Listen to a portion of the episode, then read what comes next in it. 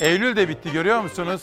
Ekim'e girdik. 1 Ekim 2020 Perşembe sabahından İsmail Küçükkaya ile Hakikat Yolculuğundan günaydın efendim. Hoş geldiniz. 1 Ekim'de günün manşetlerine baktığımız zaman Azerbaycan-Ermenistan gerilimi ve Ankara'nın Azerbaycan'ın yanında olmasını ana gündem maddesi olarak aktaracağım. Ekonomi Bakanı Berat Albayrak'ın açıkladığı ekonomi programına ilişkin iktidardan muhalefetten gelen ve ayrıca ekonomi uzmanlarından, iktisatçılardan gelen yorumları yine sizlere aktarmaya gayret edeceğim. Sağlık Bakanı'na çok güveniyorduk değil mi? Ama rakamlara ilişkin bir takım belirsizlikler vardı. Dün bakan bilim kurulu toplantısının ardından bazı açıklamalar yaptı ve bütün ezberler bozuldu. Bugün gerçeği bilmek iyidir diyeceğiz. Çalar Saat'te acı da olsa gerçeği bilmek iyidir diyeceğiz. Yalan, yanlış, yanıltıcı bilgi değil. Hayatın her alanı için geçerli bu. Bütün bunlara bakacağız. Ayrıca Cenevre'ye gideceğiz. Cenevre'de Amerika'da meydana gelen gelişmeler, Avrupa'da, Orta Doğu'ya bakacağız. Dünyanın dört bir tarafındaki gelişmeleri sizlere aktarmaya gayret edeceğim. O halde hiç vakit yitirmeden yönetmenim Hilal'den günün gazete manşetlerini sizlerle buluşturmasını rica edeceğim. Hürriyetle başlıyorum. İşte roketlerin düştüğü şehir. Hürriyet muhabirleri Fevzi Kızılkoyun ile Rıza Özel, Ermenistan'ın Azerbaycan'a saldırı başlattığı Karabağ'a girdi. Ermenistan güçlerinin top ve roket atışlarıyla sivillere hedef aldığı Terter kentini adım adım gezdiler. Askeri yetkililerle ve halkla konuştular efendim. Günün ilk manşeti Azerbaycan olsun. Oradaki gelişmeleri sizlere bu kuşakta ve sonraki kuşaklarda aktaracağım. Ayrıca bugün bir önemli eğitimci konuğum var. Sosyal medya konusunda anneleri, babaları, öğretmenleri, velileri hepimizi uyaracak. Eğitimi ana gündem maddesi haline getireceğim. Sonra bir kızımız, liseyi daha yeni bitiren bir kızımız bizimle birlikte olacak. Acaba neden? Hilal hazır mıyız? Efendim 1 Ekim 2020 Perşembe sabahında İsmail Küçükkaya ile Hakikat Yolculuğu Azerbaycan'daki gelişmelerle Ermenistan... Alalım Hilal değiştirelim. Gelmedi mi? Ha peki. Ben akışı birazcık değiştirmeye çalıştım da o halde o haber gelene kadar günün hava durumuyla başlayalım. Doğu Karadeniz kıyıları ve Doğu Akdeniz'de kuvvetli sağanak ihtimali devam ediyor. Sonbahar serinliği ise yurdun iç ve doğu kesimlerini de etkisi altına alıyor bugün. Hafta sonuysa tüm yurtta yağış kesilecek, düşen sıcaklıklar yeniden yükselişe geçecek. Batıda etkili olan kuvvetli sağanak ve doludan geriye serin hava kaldı. Bugün Marmara, Karadeniz ve iç kesimlerde serin havanın etkisi sürüyor. Yağışlı hava ise Karadeniz iç kesimler ve Akdeniz bölgesinin doğusunda etkili oluyor. Hatay'dan gelen gece görüntülerinde sağanak yağış sonrası deniz üzerinde iki hortum oluştuğu görüldü. Samandağ'da kuvvetli sağanak sonrası çıkan hortumlar korkuttu. Bugün de Doğu Akdeniz'de hava yağmurlu olacak. Yer yer kuvvetli sağanak geçişi görülebilir. Doğu Karadeniz'le İç Anadolu bölgesinin doğusunda da yağış geçişleri var. Doğu Karadeniz kıyılarında kuvvetli yağışa dikkat edilmeli. Yağışlar gök gürültülü sağanak şeklinde olacağı için şimşek ve yıldırım da beraberinde gelebilir. Artvin Arhavi'de akşam saatlerinde dağlık bölgeye düşen yıldırım gibi. Cuma günü yağışlı havanın Doğu Karadeniz'le Doğu Anadolu'da etkili olması bekleniyor. Doğu Anadolu bölgesinde yağışlı hava ile birlikte sıcaklıklar da düşüyor. Birkaç gün önce kuzey ve iç kesimlerde yaşanan sıcaklık düşüşü bugünden itibaren Doğu Anadolu'yu da etkisi altına alacak. Hafta sonu ise yağış tüm yurtta etkisini yitirecek. Pazar gününden itibaren sıcaklıklar yine artışa geçecek. Yani efendim ekonomi, eğitim, sağlık ve Azerbaycan'daki gerilim ana gündem maddemiz olacak. Bunun dışında sanattan Dün sizlere söz verdiğim gibi Summart'taki sergiyi de gezdim. Sizlere oradan da haberler derleyip toparladım. Ayrıca konuklarım da var efendim. Hürriyet gazetesindeki manşetten Sözcü'nün ilk sayfa haberine geçiyorum. Ve gün geldi hesap döndü. Can Özçelik yazmış. Keser döner sap döner biliyorsunuz devamını değil mi? Keser döner sap döner sözü bir kez daha doğrulandı. Ve gün geldi hesap döndü kahraman subaylarımızı 10 yıl önce kumpaslarla zindanlara atan FETÖ'cü yargı mensupları şimdi tek tek hesap verecek. Tarih 2013. Şimdi dışarıda olan askerlerimiz Mamak'ta hapisteydi. Fotoğrafta gördükleriniz FETÖ zulmüyle, FETÖ kumpasları ve tuzaklarıyla cezaevine gönderilmişlerdi. Mustafa Kemal askerleriydi onlar. Şimdi onlar serbest. Peki sayfanın altına doğru indiğim zaman bunu küçültelim arkadaşlar. Sözcü gazetesinin birinci sayfasında bir başka detay daha var. Bakın. Bu da aynı döneme ait. O zaman bu pozu veren FETÖ'cüler şimdi yargılanacak. Hani altlarına kırmızı halılar serilen savcılar vardı ya FETÖ'cü oldukları sonradan ortaya çıktı ve o tarihte o kumpasları yapanlar. İşte Sözcü gazetesi bu sabah bu çarpıcı manşetle çıkmış efendim. O halde şimdi yönetmenim beni uyarıyor. Azerbaycan haberi gelmiş. Hürriyete bir geri dönelim. Ya da pardon, pardon bir dakika. Yo yo. Sabaha geçelim. Sabahta da var. Heh. Azerbaycan tarih yazıyor. İşgal altındaki topraklarını tek tek geri alan Azerbaycan Ermeni cephesini yerle bir etti. 2300 askerini kaybeden Ermenistan ordusu mevzileri bırakarak kaçmaya çalıştı diyor.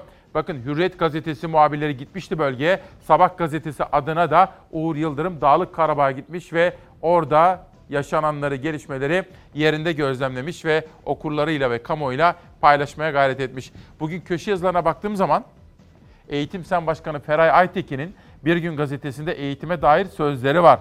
Çarpıcı eleştirileri var ve önerileri var Feray Hanım'ın.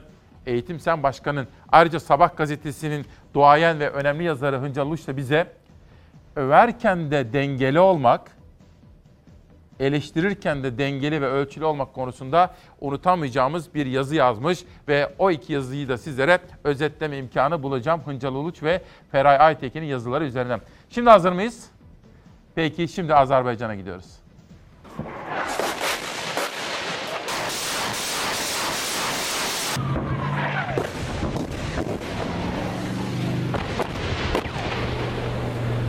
Azerbaycan ordusu Grad füzeleriyle Ermenistan mevzilerini vurdu. Ermenistan'a ait S-300 füze savunma sistemini ve 8 Grad füze sistemini imha etti. Çatışmaların yoğunlaştığı ADR Terter'de Ermenistan güçlerini kuşattı. Azerbaycan'ın işgal altındaki topraklarını kurtarmak için Ermenistan'a karşı başlattığı operasyon hız kazandı. Karabağ'daki çatışmaların dördüncü gününde Azerbaycan ordusu ADR Terter yönünde ilerledi. Topçu ateşi sonrası bir grup Ermenistan askerini kuşatma altına aldı.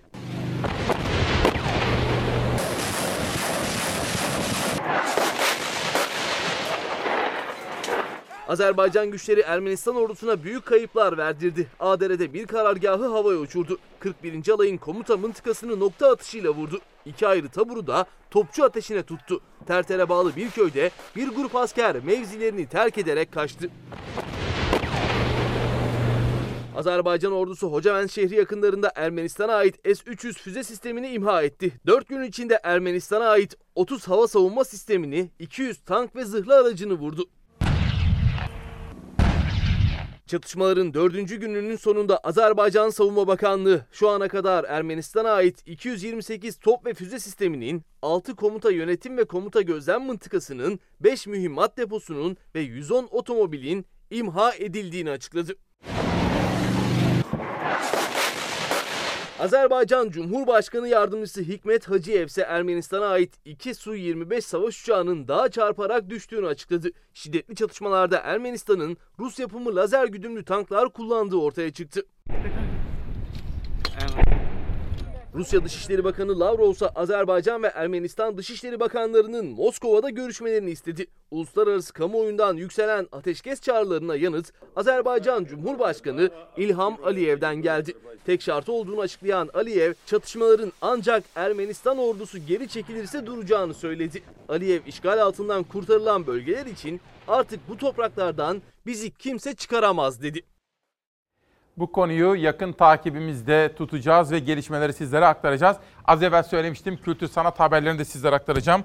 Dün orada Doğukan Çiğdem'in sergisini gezdim. Sanat severlerle de buluştum. Tabii az sayıda çünkü pandemi zamanı ama bunun dışında üzüntümüzü de sizlerle paylaşmak istiyorum. Çok sevdiğimiz bu ülkemizde özgürlük ve bağımsızlık, ifade özgürlüğü başta olmak üzere bu evrensel değerlerin, değerlerin geçerli olmasını istiyoruz. Halk TV bugün dördüncü gün itibariyle kapalı efendim. Çok üzüntü içinde olduğumuzu, Türkiye'ye bu görüntünün yakışmadığını bir kere daha söylemek istiyorum. Halk TV'deki meslektaşlarımla dayanışma duygularımı bir kere daha ifade etmek isterim. Böylece Hürriyet Sözcü Sabah derken pencereye geçelim. Bakın Halk TV'nin kapatıldığı, Geçen ay Tele1'in 5 gün karartıldığı bir ortamda gazetecilere ilişkin bir haber pencerede dikkatimi çekti. Müesser Yıldız ve İsmail Dükel'in iddianamesi kabul edildi. Gazeteciler Müesser Yıldız ve İsmail Dükel ile Assubay Erdal Baran hakkında devletin güvenliği veya yararları bakımından gizli kalması gereken bilgileri açıklama suçundan 6 yıl 3'er aydan 17 yıl 6'şer aya kadar hapis istemiyle hazırlanan iddianame kabul edildi diyor efendim. Bu konudaki gelişmeleri de dikkatle takip edeceğiz ve sizlere aktarmaya gayret edeceğim. Şimdi bazen acı gerçeklerle karşı karşıya kalabiliriz. Hayatın içerisinde bütün bunlar var değil mi? Hayat böyle dümdüz değil. Böyle inişli, çıkışlı. Önemli olan kaç kere düştüğünüz değil, kaç kere ayağa kalktığınızdır öyle değil mi? Bir de şunu biliriz. İnsani ilişkilerde veya devletle olan münasebetlerimizde de şunu biliriz. Bana deriz yalan söyleme. Bana gerçeği söyle. Bazen acıdır o gerçekle yüzleşmek ama onu isteriz. Çünkü aldatılmak istemeyiz, yanıltılmak istemeyiz. Gerçek ne kadar acı olursa olsun onunla yüzleşirsek gereken tedbirleri alabiliriz. Bu insani ilişkilerde de geçerlidir. Diğer kurumsal ilişkilerde, devlet hayatında bile geçerlidir diyoruz. Vaka sayısı nedir? Hasta sayısı nedir? belirtisi ister olsun ister olmasın. Testi pozitif çıkmış herkesi ifade eden vaka kelimesiyle hasta kelimesinin anlamı aynı değildir. Semptomatik vaka hasta, asemptomatik vaka vaka. Sağlık Bakanı Fahrettin Koca hasta ile testi pozitif çıkan kişiler karıştırılmamalı dedi. Her gün yayınlanan turkuaz tabloda verilenin semptom gösteren koronavirüs hastaları olduğunu söyledi. Yani test sonucu pozitif çıkan ancak belirti göstermediği için hasta kabul edilmeyenlerin tabloda yer almadığını. Verdiğimiz günlük hasta sayısı. Zaten 29 Temmuz'dan itibaren de günlük hasta sayısı olarak verdik. Verdiğimiz bilgi bu. Hiçbir şekilde e, Sayın Bakan'ın açıkladığı rakamlarla bu tablodaki rakamların örtüşme ihtimali yok. Bakın burada o günkü e, laboratuvar çıktılarının bilgisayar ekran görüntüsü bu. 30'u hala sonuçlanmayı bekliyormuş. Negatif 128.645, pozitif de 29.377 çıkmış. Bu bu bir günlük vaka. CHP milletvekili Murat Emir'in iddiasını gündeme taşıdı Fox Haber. Emir'in Sağlık Bakanlığı laboratuvar bilgi yönetim sistemlerine ait olduğunu iddia ettiği belgede 10 Eylül'de 29.377 kişiye pozitif tanı konduğu belirtilirken bakanlığın o günkü turkuaz tablosunda hasta sayısı 1512 idi. O iddiayı Fox Haber muhabiri Yeşim Karacaoğlu Sağlık Bakanı'na sordu. Yeşim Karacaoğlu Fox Haber. E, CHP milletvekili Murat Emir'in bir, e, bugün bir iddiası olmuştu. E, buna yönelik e, açıklamanızı rica edeceğim. Belge denilen, iddia edilen evrakla ilgili üzerinde bir tarih yok. Hangi tarih aralığında alındığına dair bir not yok. Artı bizim Sina olarak kullandığımız yazılım programımızda böyle bir arayüz yok. 10 Eylül olduğu söylenen gün için yapılan test sayısı ise 112 binlerde. 152 bin olduğu söyleniyor. 112 bin testin yapıldığı gün için 152 bin olduğu söyleniyor. Neresinden bakıp yorum yapacaksınız? Sağlık Bakanı Koca Emir'in gösterdiği belgenin gerçek olmadığını söyledi. Ancak söz konusu tarihte kaç kişinin test sonucunun pozitif çıktığını açıklamadı. Sadece verdiğimiz bilgilerin tamamı doğrudur demekle yetindi. Vatandaşımız şunu bilsin.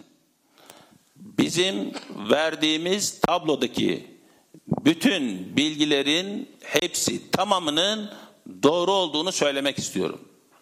Altını özellikle çiziyorum. Tablodaki bütün veriler, bütün rakamlar doğrudur. Basın toplantısında sık sık vaka ile hasta ayrımı yaptı Sağlık Bakanı. Altını çize çize belirti göstermeyenlerin hasta olmadığını söyledi. Test sonucu pozitif çıkanların her biri bir vakadır. Bunların büyük kısmı belirti göstermeyen taşıyıcılardır. Kalan kısmı ise hastalık bulgusu olup tedavi altına alınan hastalardır. 30 Eylül'e dair koronavirüs tablosunu da paylaştık hoca. Semptom göstermediği halde koronavirüs testi pozitif çıkan kaç kişi var bilgi vermedi. Sadece belirti gösteren hasta sayısını paylaştı. Bugünkü hasta sayısı ise 1391.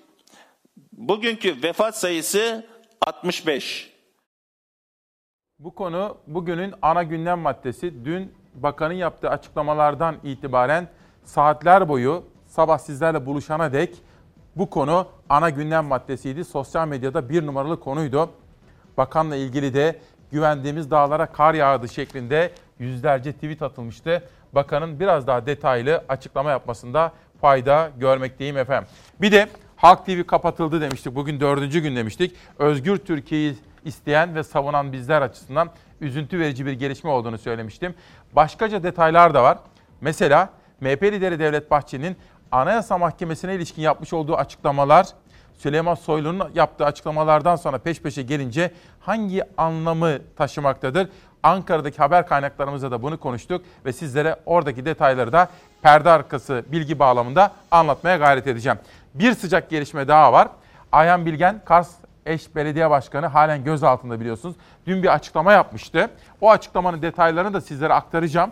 Lakin yeni bir gelişme daha var. Kars'ta Ayhan Bilgen'in eş başkanı, Kars'ın eş belediye başkanı da gözaltına alındı. 19 HDP'li ile birlikte oradaki gelişmeleri de dikkatle takip ediyoruz. Bilgilerimizi güncelledikçe sizlere oradaki gelişmeleri anlatmaya, aktarmaya gayret edeceğim. Pencereden Karar Gazetesi'ne geçiyorum. Karar Gazetesi'nde Ahmet Davutoğlu'nun sözleri birinci sayfada. Kobani gözaltılarına tepki. 6 yıl sonra devreye giren dosya terörle mücadeleyi istismar diyor. Davutoğlu HDP'lilerin gözaltına alınması konusundaki soruları yanıtlarken geçen sene Osman Öcalan'ı devletin televizyonuna çıkaran kimlerse gerçek terör işbirlikçileri onlar. Eğer HDP ile ilgili bu soruşturmalar terörle mücadele ise diğer konularda da terörle mücadeleyi samimi bir şekilde verin. Hazine Bakanı'nın cahilce ekonomi yönetimi altında halk inlerken sen onların dikkatini dağıtmak için 6 yıl bekleyen dosyaları devreye sokarsan biz buna terörle mücadele demeyiz. Terörle mücadeleyi istismar deriz dedi. Çok sert bir açıklama yaptı. Kimlerle buluşmuştu? Dün Türkiye'de görev yapan yabancı gazetecilerle bir araya geldi Ahmet Davutoğlu ve bu açıklamayı orada ifade etti efendim. Bir de dünyadaki gelişmelere bakalım. Dün sizlere Amerika'da iki başkan adayının ilk televizyon tartışmasından anekdotları aktarmıştım. Dün akşam oradaki gelişmeleri çok yakından takip eden, aynı zamanda Trump'a da çok yakın bir isim var. Mehmet Ali Yalçın'ı aradım. Nasıl buldunuz dedim adayların televizyondaki performansını anlattı. Peki bu doğrultuda seçimi nasıl görüyorsunuz dedim anlattı. Bazı küçük küçük notlar aldım. İlerleyen dakikalarda Türk-Amerikan İş Adamları Konsey Başkanı Mehmet Ali Yalçındağ'dan edindiğim bilgileri sizlere anlatmaya çalışacağım. Karardan dünyanın manşetlerine geçelim. Şimdilik kalsın Cumhuriyet. Geri döneceğim. Döneceğim. Dünyaya bir bakalım. Çünkü bu Amerika'daki seçim yalnızca Amerika'nın değil, dünya küresel sisteminin de bundan sonraki geleceğini etkileyecek ve belirleyecek. Ve hatta İbrahim Uslu'nun iki gün evvel burada yaptığı gibi, açıklamada ifade ettiği gibi Amerika'daki seçimin sonucu Türkiye'deki siyasi dengeleri de etkileyebilir denilmekte efendim. Şimdi Financial Times gazetesi Ermenistan'la Azerbaycan arasında Dağlık Karabağ'da meydana gelen olaylar, Ermenistan devletinin işgali ve orada yaşanan gelişmeler ilişkin bir manşet var. Onu ilerleyen dakikalarda güncelleyerek sizlere aktaracağım. Financial Times'tan şimdi The Washington Post gazetesine geçiyorum. Tabii bir televizyon tartışması. Fakat Amerikalılar şokta, seviye yerlerdeydi. Tabii ateşli bir tartışma oldu ve bir kavgaya dönüştü. Birbirlerine yönelik ifadeleri mesela bakın. Ya bir Amerikan televizyonda bir Amerikan başkanının diğer adaya will you shut up man demesi yani kapa çeneni demesi çok yadırgandı haklı olarak efendim. İşte bütün dünya bunları konuşuyor. Aynı olay Le Monde gazetesinin de manşetinde bakınız. Ve oradaki yaşanan tartışmaları Le Monde gazetesi de şiddet ve kafa karışıklığı diye anlatıyor efendim. Gerçekten Amerikalıların da kafası karışık. Amerikalılar herhalde 40 yıl düşünse böylesini tahmin edemezlerdi diye düşünüyoruz. Well, it's hard to get any word in with this clown. Excuse me. Because the you weren't 25 president years. No, screwing no, things no. up. You were a senator. And You're by the way, worst you president vice- America has ever had. Hey, hey, Come Joe, on. me, nobody cares. Gentlemen, Joe. can we move on to Nobody the cares. gentlemen? Shut who is up, on, man. Listen, who is on your list, Joe? Demokrat Parti Başkan adayı Joe Biden çileden çıktı. Başkan Trump o kadar çok sözünü kesti ki iki rakibin karşılaşması hakaretler içeren bir gövde gösterisine dönüştü. Başkanlık münazarası Amerikan halkı için büyük bir hayal kırıklığı oldu. Öyle ki sabrı sınanan Biden'da kurallara uymayan Trump'ta tartışmanın kazananı olmadı.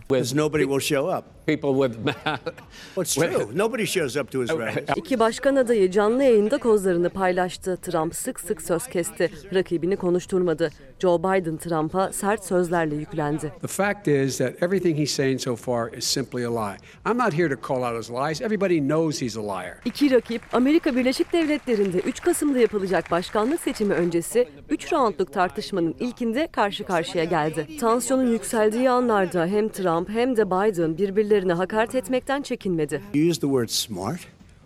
Uh, so you said you went to Delaware State, but you forgot the name of your college. Don't ever use the word smart with me. Uh, There's nothing smart about you, Joe. Salgın ve maske başlıkları konuşulurken tartışma alevlendi. Trump demokrat rakibini sık sık tiye aldı. You have to understand if you look, I mean, I have a mask right here. I put a mask on, you know, when I think I need it. I don't have, I don't wear masks like him. Every time you see him, he's got a mask. He could be speaking 200 feet away from it. He shows up with the biggest mask I've ever seen.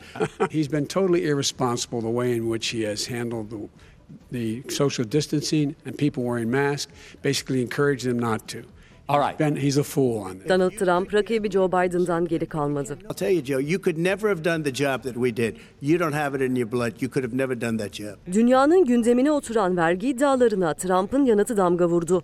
Vergi kanununun ona tanıdığı haklardan yararlandığını söyledi. Fazla vergi ödemek istemiyorum dedi. Before I came here, I was a private developer. I was a private business people. Like every other private person, unless they're stupid, they go through the laws, and that's what it is. The tax code that made him, the, put him in a position that he pays less tax than a school teacher make uh, uh, on the money a school teacher makes is because of him take. He says he's smart because he can take advantage of the tax code, and he does take advantage of the tax code. Bir buçuk saat süren tartışmada Biden'a verilen her sözün Trump tarafından kesildiği dış basının gündemindeydi. Karşılaşmanın Amerika'daki yansıması ise iki taraf için de hayal kırıklığı oldu. Şimdi gözler adayların bir sonraki buluşacağı tarih 15 Ekim'de. 1 Ekim tarihinde İsmail Küçükkaya ile Hakikat Yolculuğundasınız. Son dakika gelişmelerini sizlere aktarmak istiyorum. 3 HDP'li belediye meclis üyesi gözaltında Kars'ta. Belediye, Kars Belediye Eş Başkanı Şevin Alaca gözaltında. Belediye Başkan Yardımcısı Muazzez Çağrı Tekinci, bir HDP İl Genel Meclis Üyesi ve HDP İl Eş Başkanı gözaltında. Arkadaşlarım bu konudaki gelişmeleri takip ediyorlar efendim. Ayhan Bilgen de halen gözaltında biliyorsunuz. 6 yıl önceki Kobane olayları ile ilgili soruşturma kapsamında. İkinci son dakika gelişmesini de konuşalım. Cumhuriyet'te gördüm. Başka haber sitelerinde de var. Yurttaş yeni güne böyle uyandı. Elektriğe zam. Konut, sanayi ve ticarethanelerde kullanılan elektriğe %5.75 zam geldi. Konut, sanayi ve ticarethanelerde kullanılan elektrik bugünden itibaren zamlandı efendim. Onun da haberini verelim. Arkadaşlarımız takip etsinler. İşler yolunda gitmiyor öyle değil mi? Özellikle ekonomi bağlamında işler yolunda gitmiyor. Bunu işsizler, asgari ücretle geçinmeye çalışanlar, evinde iki çocuk, üç çocuk, bazen dört çocuk, beş çocuğu okutmaya çalışanlar herkesten iyi anlıyorlar. Esnaf da neyin nasıl olduğunun farkında diyorum. Sırada Cumhuriyet Gazetesi var. Para devletten, santral şirketten Mustafa Çakır'ın haberi. 17 yılda 1609 acele kamulaştırma yapan iktidar vatandaşın arazisini şirketlere bedava veriyor yasa gereği yalnızca istisnai durumlarda uygulanması gereken acele kamulaştırma AKP döneminde genel uygulama haline geldi. Acele kamulaştırma kararlarının sayısı arttı. Özel sektör için de bu yol kullanılır oldu. Son olarak Salihli Çapaklı köyünde biyogaz tesisi için 100 dekalık tarım alanına el konuldu. CHP milletvekili Ahmet Vehbi Bakırlıoğlu istimlakı devlet yapacak, parasını devlet ödeyecek. Arazi şirkete bedava verilecek ve şirket burada santral kurarak cebini dolduracak. Özel sektör vatandaşın malına çöksün, parasını da devlet ödesin diye bu kanun çıkarılmamıştır dedi efendim. Tarım haberlerine de bakacağız. Biz çünkü her sabah Türkiye'nin gerçekliğini gözler önüne sermeye gayret ederken bir taraftan eğitim manşetleri bakınız. Daha evvel İsmail Küçükkaya ile Demokrasi Meydanı'nda ağırlamıştık. Feray Aytekin Aydoğan, Eğitim Sen Başkanı, 5 Ekim Dünya Öğretmenler Günü'nde krizde öncülük ediyor, geleceği yeniden hayal ediyoruz. Kahramanmaraş'ta edebiyat öğretmeni arkadaşımız Aziz Serin'i internette yaşadığı sorun nedeniyle öğrencileriyle ders yapabilmek için yüksek bir tepeye çıkması ve kalp krizi geçirmesi sonucu kaybettik. Uzaktan da olsa öğrencilerine ulaşmaya, yaşamlarına dokunmaya çalışıyordu. Bakın Eğitim Sen Başkanı bizi bazı gerçeklerden haberdar ediyor. Öğrencilerimizin %90'ından fazlası için yüz yüze eğitime başlanamadı diyor. Bir başkası uzaktan eğitime erişim için milyonlarca öğrencimize gerekli cihazlar hala sağlanmadı. İnternet erişim sorunu çözülmedi diyor Eğitim Sen Başkanı. Tarım yine bizim en fazla üzerinde durduğumuz ve Ankara'ya uyarmak istediğimiz hususların başında gelmektedir. Çeltik'te 15 yıldan beri destekleme primi artmadı. Kilogramına 10 kuruş. En azından bu 50 kuruşlara çıkartılmalı. Maliyetlerin artmasının yanında münaveveli ürün olan şeker pancarının tarımın devam etmesi çiftçiye verilecek desteklerle olası. CHP'li vekiller bölgelerinin tarım ürünlerine destek istedi. Nideli şeker pancarı üreticisi de, Edirneli çeltik üreticisi de desteklemenin artmasını talep ediyor. Bu yıl maalesef çeltikte %30, %40 gibi bir e, eksik e, verim alıyoruz e, hastalıklardan dolayı. E, fiyatlar da istediğimiz de istediğimiz fiyatlar değil. E, çiftçi olarak bu sene e, zor bir süreçten geçiyoruz. CHP'li vekiller kendi bölgelerinde üretimin nabzını tutuyor. Genel Başkan Kemal Kılıçdaroğlu'nun milletvekillerine çiftçilerin sıkıntıları ile ilgili çalışma yapmak konusunda talimat verdiği biliniyor. Edirne Milletvekili Okan Gaytancıoğlu, çeltik üreticisinin sesine destek verdi, yönetenlerden destek talep etti. Çeltik'te 15 yıldan beri destekleme primi artmadı. Kilogramına 10 kuruş. En azından bu 50 kuruşlara çıkartılmalı. Aksi halde bu kış pirinç fiyatları tavan yapar ama yine yerli üreticimiz kazanmaz. İthalatçılar kazanır, aracılar kazanır. CHP Niğde Milletvekili Ömer Fethi Gürer ise şeker pancarı üreticisinin derdini dile getirdi. Taban fiyatın açıklanmasını istiyor üretici. Şu ana kadar taban fiyatı açıklanmadı. Fabrikalar alıma başladı. Çiftçi hem taban fiyatı açıklansın hem de ürünümüz değerini alınsın istiyor. Şeker pancarı, tohum, ilaç ve gübresini satanı, tarlada çapalayanı, bakımını yapanı, nakliyesini gerçekleştireni, fabrikada üretim yapanı ve satanıyla çok geniş yelpazeli bir ekmek kapısı. Ancak her geçen yıl üreticisi azalıyor. Ülkemizde geçtiğimiz yıllarda şeker fabrikalarının bir kısmı daha özelleştirildi. Bunun sonucunda çiftçi pancardan uzaklaştı. 2000 yıllarında 400 bin çiftçi pancar ekerken son yıllarda bu rakam 100 binlerin altına düştü. Şeker pancarı üreticisi fiyatın 16 polar için 390, 20 polar için 490 lira olmasını bekliyor. Çeltik üreticisi ise taban fiyatın en az 5,5 lira olması gerektiğini söylüyor. Aksi takdirde ithal çeltikle rekabet zorlaşıyor. Üretici böyle giderse raflardaki pirincin fiyatının artacağını söylüyor. Yani bir kaos var. Bu pirinç fiyatlarına yansımaması lazım. Bugün Halk TV'nin kapalı olduğu dördüncü gün efendim. Geçtiğimiz ayda Tele1 5 gün kapalı olmuştu. Tarım ve sırada eğitim haberi var. Bakın Yazgül Aldoğan da deneyimli bir gazeteci yazar Cumhuriyet'teki köşesinde eğitim konusunu gündeme taşımış. Pandemi yani bu salgın en çok yoksul kesimleri vuruyor. Çünkü onlar her koşulda çalışmak zorunda ve kendilerini koruyamıyor. Maskeye bile ulaşamıyor. Sosyal mesafeyi koruyamıyor. Hijyen mi? Nerede? İyi beslenemiyorlar, iyi dinlenemiyorlar. Bunalıma giriyor, çıkamıyorlar. Sağlığa en son erişen onlar. Ya eğitim? EBA uzaktan eğitimde en çok yoksul kesimin çocuklarını vurdu. Onlar internete erişemiyor. O çocukların bilgisayarı, tableti, her yeni modelde değişen akıllı telefonu yok, her odada bir televizyonu yok diyor. Ve Mansur Yavaş'ın başlatmış olduğu çocuklarımıza internet sağlama konusundaki kampanyadan bahsediyor Cumhuriyet Gazetesi yazarı Yazgülü Aldoğan. Cumhuriyet'te bir detay daha sonra Türk Günü'ne geçelim. Selda Güneysu, İyi Parti'de kritik gün. 15 milletvekili istifa eşiğinde. Son kurultayda oy verilmeyecekler listesi krizinin yaşandığı İyi Parti'de kritik gün. Listedeki isimler Akşener'in başkanlık divanı kararını bekliyor. Akşener listeden sorumlu tutulan Koray Aydın'a başkanlık divanında görev verirse 15'e yakın milletvekilinin istifa edeceği konuşuluyor. İşte bakın bu Türk tipi tamamen biliyor musunuz? Bütün partilerde yaşadığımız pek çok kurumda da bazen karşı karşıya kaldığımız Türk tipi. Bir hemen içeriği karıştıralım. Hemen delege oyunları. Küçük olsun benim olsun. Şark kurnazlığı. Yanlış. Eğer gerçekten Koray Aydın bunu yaptıysa bugün Meral Akşener'in de hiç çekinmeden neştere vurması gerekir. Ne demek öyle Aytun Çıra'yı at, bunu at, Ümit Özdağ'ı at. Böyle bir şey olabilir mi?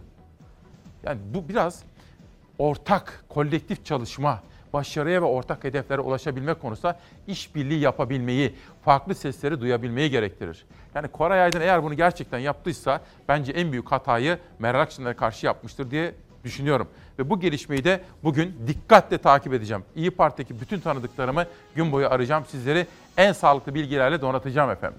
Cumhuriyet'ten Türk Günü'ne geçelim. Azerbaycan ne isterse yaparız diyor. Dışişleri Bakanı Çavuşoğlu sorun çözülmedikçe Ermenistan cesaretleniyor dedi. Çavuşoğlu Türkiye'nin devlet olarak da millet olarak da Azerbaycan'ın yanında olduğunu dile getirdi. İlk kuşaktaki manşetimiz Hürriyet'ten de aynısını sizlere aktarmıştım. Sür manşette MHP lideri Devlet Bahçeli'nin dün yapmış olduğu bir çıkış dikkatleri çekmekte. Anayasa Mahkemesi yeniden yapılandırılmalı. MHP lideri Bahçeli, Cumhurbaşkanlığı hükümet sistemini darbelerin ardından tesis ve tezahür eden kurumların küflü prangalarından kurtarmak asıl olmalıdır dedi. Biliyorsunuz son zamanlarda özgürlükçü bir tutum takınmasıyla dikkatleri çekiyordu Anayasa Mahkemesi. Evrensel değerlere uygun ve oy birliğiyle aldığı kararlar kamuoyunda takdirle karşılanıyordu. Fakat tesadüf müdür bilinmez. Hatta size sorulur. İçişleri Bakanı Süleyman Soylu'nun Anayasa Mahkemesi'ne yönelik yaptığı çıkış ve MHP lideri Devlet Bahçeli'nin bu yaptığı öneri acaba bir paralellik arz ediyor mu? Hazır mı Hilal? Arkadaşlarım da beni uyarıyor. Bu haber hazır diyor. O halde günün en çarpıcı siyasi çıkışını izleyelim. Ben anlamıyorum. Bu ülkeyi nereye götürmek istiyor? Anayasa Mahkemesi. Anayasa Mahkemesi'nin son zamanlarda verdiği kararlar sancılı ve sakattır. Anayasa Mahkemesi yeni hükümet sisteminin doğasına uygun şekilde yeni baştan yapılandırılmalıdır. Bahçeli'nin Anayasa Mahkemesi'ni hedef alan açıklaması demokrasimiz açısından utanç vericidir. Hükümet sistemine uygun yargı organı, Kuvvetler Birliği ve talimatlı yargının tescilidir. İçişleri Bakanı Süleyman Soylu'nun Anayasa Mahkemesi'ni hedef almasından günler sonra MHP lideri Bahçeli de yeni yasama dönemine saatler kala yaptı bu çıkışı. Anayasa Mahkemesi'nin yapısı değişmeli dedi. Bu çağrı Kavala görüşmesinin ertelenmesinden bir gün sonra geldi. Tam da Anayasa Mahkemesi'nin çoklu baro düzenlemesine ilişkin başvuruyu görüşmesine bir gün kala. Anayasa Mahkemesi'nin son zamanlarda verdiği kararlar sancılı ve sakattır. Hak ihlalleri adı altında milli haklara ve adalet duygusuna telafisi imkansız zararlar verilmektedir. Bahçeli, yüksek yargıyı tam da çoklu baro ve kavala kararları arefesinde tehdit etmektedir. MHP liderinin eleştirdiği Anayasa Mahkemesi'nin son hak ihlali kararı Enis Berberoğlu ile ilgiliydi. Vekilliği düşürülen Berberoğlu'nun seçilme hakkının ihlal edildiğine karar verdi mahkeme ve eski vekilin yeniden meclise dönüp dönmeyeceği tartışması başladı. Enis Berberoğlu'nu derhal milletvekilliğini kendisine iade edin. Bazı arkadaşlarımız diyor ki derhal dönmelidir otomatik olarak. Neye göre yani Mesela anayasa hükmü mü, iç tüzük hükmü mü bu söylediğiniz? Ben sizi uyarmıştık, bir ihlaldir demiştik. Bizim söylediğimizi Anayasa Mahkemesi söyledi. Siyasi olarak bir dayanaksız, mesnetsiz, bir gerekçe olmadan bir şey söylüyor arkadaşımız. CHP, meclisin yeni yasama yılına başlamasına bir gün kala bir kez daha Meclis Başkanı Mustafa Şentop'a seslendi. Şentop ise ana muhalefetin siyasi söylemde bulunduğunu, hukuki sürecin önemli olduğunu belirtti. Yargıtay'ın veya ilk derece mahkemesinin vereceği karar bu kesin hükmü kaldırıcı bir mahiyette olursa e, o zaman e, bu konunun e, konuşulması, tartışılması gerekir diye düşünüyorum. Yasalara o kadar saygılıydınız ve bekliyordunuz da daha önceden Anayasa Mahkemesi'nin alacağı kararı neden beklemediniz Sayın Meclis Başkanı? AYM kararı ile Enis Berberoğlu yeniden yargılanacak. Şentop da Yargıtay'ın vereceği yeni kararın beklenmesi gerektiğinin altını çizdi. Evet, günün hikayelerini beraber anlatıyoruz. Beraber atıyoruz günün manşetlerini. Son dakika gelişmeleri bakınız. Maalesef Ben de isterim sizlere güzel haberler verebilmeyi. Böyle tatlı tatlı haberler ama ülkemin gerçeği neyse o. Bakın son dakika konut, sanayi ve ticarethanelerde kullanılan elektriğe %5.75 zam geldi efendim. Daha da kış gelmeden biliyorsunuz. Bu arada bir başka son dakika gelişmesi HDP'ye yönelik operasyon büyümekte. Kars'ta eş başkan da dahil olmak üzere 19 HDP'li belediye başkan yardımcıları da dahil olmak üzere gözaltı dalgasında tutuluyor. Onun da haberini verelim, takip ediyoruz. Ve ayrıca bugün Ekim'in birinde Halk TV dördüncü gündür kapalı Türkiye'nin genel manzarası işte bize bunları söylüyor. Türk günden bir güne geçelim. Naci amcanın gözyaşlarından utanın. Kirazlı Tepe'de zoraki dönüşüm mağdurları mum ışığıyla yaşıyor. Erdoğan'ın İstanbul'un her yerinden görülsün dediği Çamlıca Camii'nin yanındaki Kirazlı Tepe'deki mağduriyet içler acısı. Naci Kıran ağlayarak anlatıyor. Uğur Şahin imzası taşıyor bu haber. İstanbul Üsküdar'da Çamlıca Tepesi eteklerinde yer alan Boğaza Nazır Kirazlı Tepe Mahallesi kentsel dönüşüm nedeniyle gerçekleştirilen yıkımlar sonrasında molozlar içerisinde kaldı. Riskli alan ilan edilen mahalledeki zoraki dönüşüm bölge sakinlerini mağdur ederken AKP'li Üsküdar Belediyesi hak sahiplerinden tapuların devrini talep ediyor. Kirazlı Tepeliler yaşadıkları sıkıntıları Bir Gün gazetesinden Uğur Şahin'e anlatmışlar. Çamlıca Camii'nin dibinde yer alan evi moloz yığınlarıyla çevrili Bedri İnem'in 3 gün önce elektrik, su ve doğalgaz bağlantısı kesilmiş. 1973'ten beri Kirazlı Tepe'de oturan Bedri İnem, şu anda mum ışığında karanlıkta yaşıyoruz. Elimizi yıkayacak su yok diyor. Bir diğer mağdur genç kadın Z.İ. bir göz odada hem karanlıkla hem de Covid-19'la mücadele ediyor. Z.İ. hasta olduğumu söylememe rağmen elektriği, doğalgazı ve suyu kestiler diyor. İşte bakın bu da bir Türkiye fotoğrafı efendim. Türkiye fotoğrafı. İyisi de var, kötüsü de var. Hayatından memnun olan da var. İşte böyle büyük sıkıntılar yaşayanlar da var. Siz nasılsınız efendim? Siz, siz kendi halinizi bir şöyle düşünün, sorgulayın diyor ve bir günden bugünün yerel gazetelerine geçiyorum. Bu da benim takip ettiğim konulardan birisi. Utanç Masada. Songül Başkayan'ın haberi. 1980 öncesinde üniversite alanı olarak kamulaştırılmışken yıllar içinde Akdeniz Üniversitesi'nden koparılıp alınan su kaynakları üzerindeki ağaç katliamı yapılarak açılan alanda yükselen rezidans inşaatı sonunda gündem oldu. Biliyorsunuz biz de bunu Antalya gazetelerinden alarak 3. gündür aktarıyoruz. Antalya Kent Konseyi, Antalya Eşgüdüm Kurulu konuyu masaya getiriyor diyor efendim. Bu arada gazeteyi tekrar küçültelim. Birinci sayfada Antalyalı yerel gazeteci arkadaşım, tecrübeli bir gazeteci Mevlüt Yeni de diyor ki ekran karartma kabul edilemez. 21. yüzyılda ekran karartma çağdaş bir yöntem değil diyen Antalya Gazeteciler Cemiyeti ve Akdeniz Gazeteciler Federasyonu Başkanı Mevlüt Yeni'nin sözleri de Halk TV'ye destek bağlamında efendim. Dünyada ne oluyor peki? Mesela Almanya'da enflasyon. Bir sorayım size bir dakika. Sizce Almanya'da enflasyon kaçtır efendim? Bilemediniz. Sıfır. Koronavirüs pandemisinde fiyatların artmasının önüne geçmek için Alman federal hükümeti KDV indirimine gitti, vergi indirimi meyvelerini verdi. Almanya'da enflasyon eksi değerlere düştü. Eksi yüzde 0,2 oldu tüm dünyayı etkisi altına aldı Çin'in Wuhan kentinde ortaya çıkan Covid-19 salgını. Pandemi nedeniyle dünya ticareti ve üretim büyük zarar gördü. Maliyetler arttı, fiyatlar yükseldi. Enflasyon da kaçınılmaz bir sonuç olarak yükseldi. Almanya'da federal hükümet fiyat artışlarının önüne geçmek, ekonominin yavaşlamasını engellemek için KDV indirimine gitti. 1 Temmuz'dan yıl sonuna kadar olan dönem için %19 olan KDV'yi %16'ya, temel tüketim maddelerindeki %7 KDV'yi %5'e indirdi. Vergi indiriminin meyveleri daha ilk ayından toplanmaya başlanmıştı. Eylül ayında ise en büyük sonucu alındı. Almanya'da Eylül'de fiyat artışı olmadı, aksine fiyatlar düştü. Yıllık enflasyon eksi %0,2 olarak gerçekleşti. Almanya'da tüketicilerin cebinden alışverişleri için bir önceki aya ve bir önceki yılın aynı dönemine göre %0,4 daha az para çıktı. Peki Almanya'da enflasyon sıfır. İsviçre'de asgari ücret kaçtır? Hadi bu da bir sorum olsun. Siz bunu düşüne durun.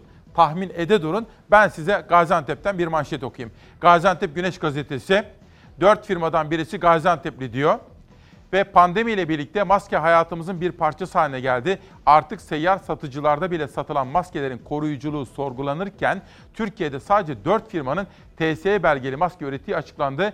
Ve Gaziantep'ten firmalarda bu konuda öne geçmişler efendim. TSE standartlarına uygun bir üretim yapmışlar. Bu arada Gaziantep Gerçeği isimli yazısıyla bugün İbrahim Ayda bu 300 fabrika konusunda ne kadar üzüntülü olduğunu yazıyor.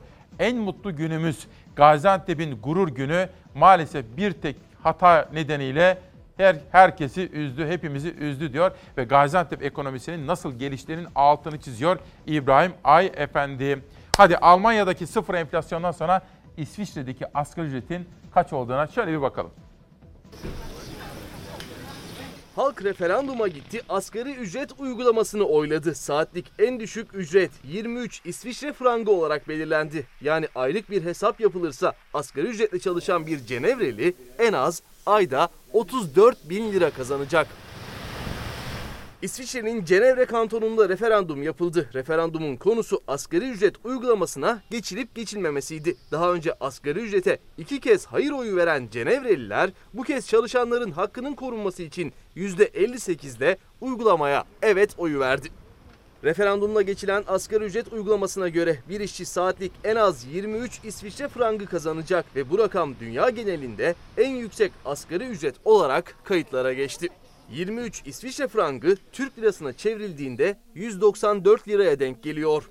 İsviçre'de tam zamanlı çalışan bir kişi haftada 41 saat çalışıyor. Ayda ortalama 170 saatin üzerinde mesai yapıyor. Yani asgari ücretli bir işçi ortalama 4000 İsviçre frangına yakın bir para kazanmış olacak. Bu da Türk lirasına çevrildiğinde bugünkü kurla ayda 34 bin liranın üzerinde bir paraya denk geliyor. Evet sizlerden gelen mesajlar da var. Onlara da çok teşekkür ediyorum. Gerçeği bilmek iyidir diyoruz bu sabah. Kalbinize hitap eden bir haber var efendim. Biz sabahları kalbinize de hitap etmek istiyoruz. Fakat yeni çıkan kitaplara şöyle bir bakalım. Emine Aydoğdu, Aforizmalar. Efendim biraz sonra eğitim konusunda Levent Eraslan bizimle birlikte olacak. Sonra da çok parlak bir çocuğumuzu sizlerle tanıştıracağım. Tabii çocuklarımız kitap okusunlar. Tarık Günersel'in çevirisiyle Hamlet. Dünya ve Türkiye klasiklerini okumamız gerekiyor. Dilimizi ifade etme zenginliğimizi artırabilmek için. Dün Cavit Çağlar'ı ziyarete gitmiştim efendim. Hem kendisine imzalı bir kitap takdim ettim. O arada tabii Nursel Hanım da şimdi bizimle birlikte ona da günaydın diyorum. Bana bu kitaptan bahsetti. Sonra Osman Gümrü Hocam da yollamış bunu. Sana bir şiirim var Yusuf Akça. Kitabı da Mehmetçik Vakfı'na bağışlanıyor. Bunlar da imzalı kitaplar. Şöyle size bir onu da göstermek isterim. Çünkü imzalı kitaplar efendim. Bakın şöyle. Çevre sevdalısı olmaktan gurur duyuyoruz. Yusuf Akça'ya da teşekkür ediyoruz. Sıradaki haber kalbiniz için. Koronavirüs korkusu ciddi rahatsızlıklar yaşayanların bile hastaneye gitmesini engelliyor. Türk Kardiyoloji Derneği tarafından yapılan araştırma tehlikeli gerçeği ortaya koydu. Pandemi döneminde kalp krizi şikayetleriyle hastaneye başvuranların sayısında anlamlı bir azalma yaşandı. Yaşanmaya da devam ediyor. Ani başlayan göğüs ağrısı, nefes darlığı, terleme, bulantı, çarpıntı gibi kalp krizi düşündüren belirtileriniz olduğunda vakit kaybetmeden 112 acili arayın. Dünya Kalp Günü'nde Türk Kardiyoloji Derneği vatandaşları bir iletişim çalışmasıyla uyardı. Virüs korkusu yüzünden kalp krizi belirtileri yaşadığı halde hastaneye başvuru azaldı. Bu rakam araştırmaya göre %47. Kalp krizinde saniyeler bile hayati önem taşırken doktorlar uyarıyor. Zaman kaybetmeyin, 112'yi arayın. Kalp krizi geliştiğinde erken müdahale hayati önem taşır. Kalp krizini hafife almayın. Hayatı duraksatmayın. İnsan dediğin kalbini dinlemeli öyle değil mi? Efendim ve insan dediğin çok kitap okumalı. Cihat Yağcı Paşa'nın Libya Türkiye'nin denizden komşusudur. Biraz sonra sizleri eğitimle ilgili bir konukla buluşturacağım. Ve ona da Eğitim Sen Başkanı'nın bu sabah bir günde çıkan eğitime dair tespitlerine yönelik sorular soracağım. Ayrıca konuğuma Yazgülü Aldoğan'ın yazdığı eğitim konusundaki yazılardan bahsedeceğim. Bir de Hıncal Uluç eleştirirken de överken de dengeli ve ölçülü olmak gerektiğini bizlere hatırlatıyor. Efendim reklamlar, dönüşte manşetler. Görüyorsunuz değil mi zaman ne kadar çabuk geçiyor. Kocaman bir Eylül'ü geçtik. Ama zaten şairin dediği gibi Eylül başlı başına bir mevsim değil midir? Eylül de bitti. Bugün 1 Ekim. 1 Ekim 2020 günlerden Perşembe İsmail Küçüköy ile Demokrasi Meydanı'na hoş geldiniz. 8'den itibaren bizimle olanlar biliyorlar ama aramıza yeni katılanlar da olabilir. Hiçbir haberi tekrar etmeyeceğim ama şöyle bir özet yapalım. 1. Azerbaycan-Ermenistan gerilimi, Ermenistan devletinin almış olduğu saldırgan tutum ve Ankara'nın Azeri kardeşlerimizin yanında pozisyonlanması. Bu birinci manşet. 2. Ekonomi Bakanı Berat Albayrak yapmış olduğu açıklamalar üzerinden iktidar muhalefet hattında ve halkımız sizlerin nazarında ekonominin hali pür melale yani manzarayı umumiyesi yani genel görünümü ekonomi. 3. Sağlık. Sağlık Bakanı sosyal medyada manşetlerde pek çok izleyici, pek çok yurttaşımız güvendiğimiz dağlara kar mı yağdı diyor. Çok güveniyorduk. Acaba ne oldu? Hangi açıklaması nedeniyle endişeler artmaya başladı? Korona ilişkin haberler Türkiye'den ve dünyadan yine İsmail Küçükkaya ile Demokrasi Meydanı'nda olacak ve eğitim. Profesör Doktor Levent Eraslan geçen sene sizlerle tanıştırdım da çok ilginizi çekmişti. Sanal dünyadaki bağımlılık. Hıncal Uluç geçen hafta yazdı ya bir film tavsiyesi üzerinden sosyal medyadaki bağımlılığın ne kadar tehlikeli boyutlara tırmandığını gözler önüne sermişti.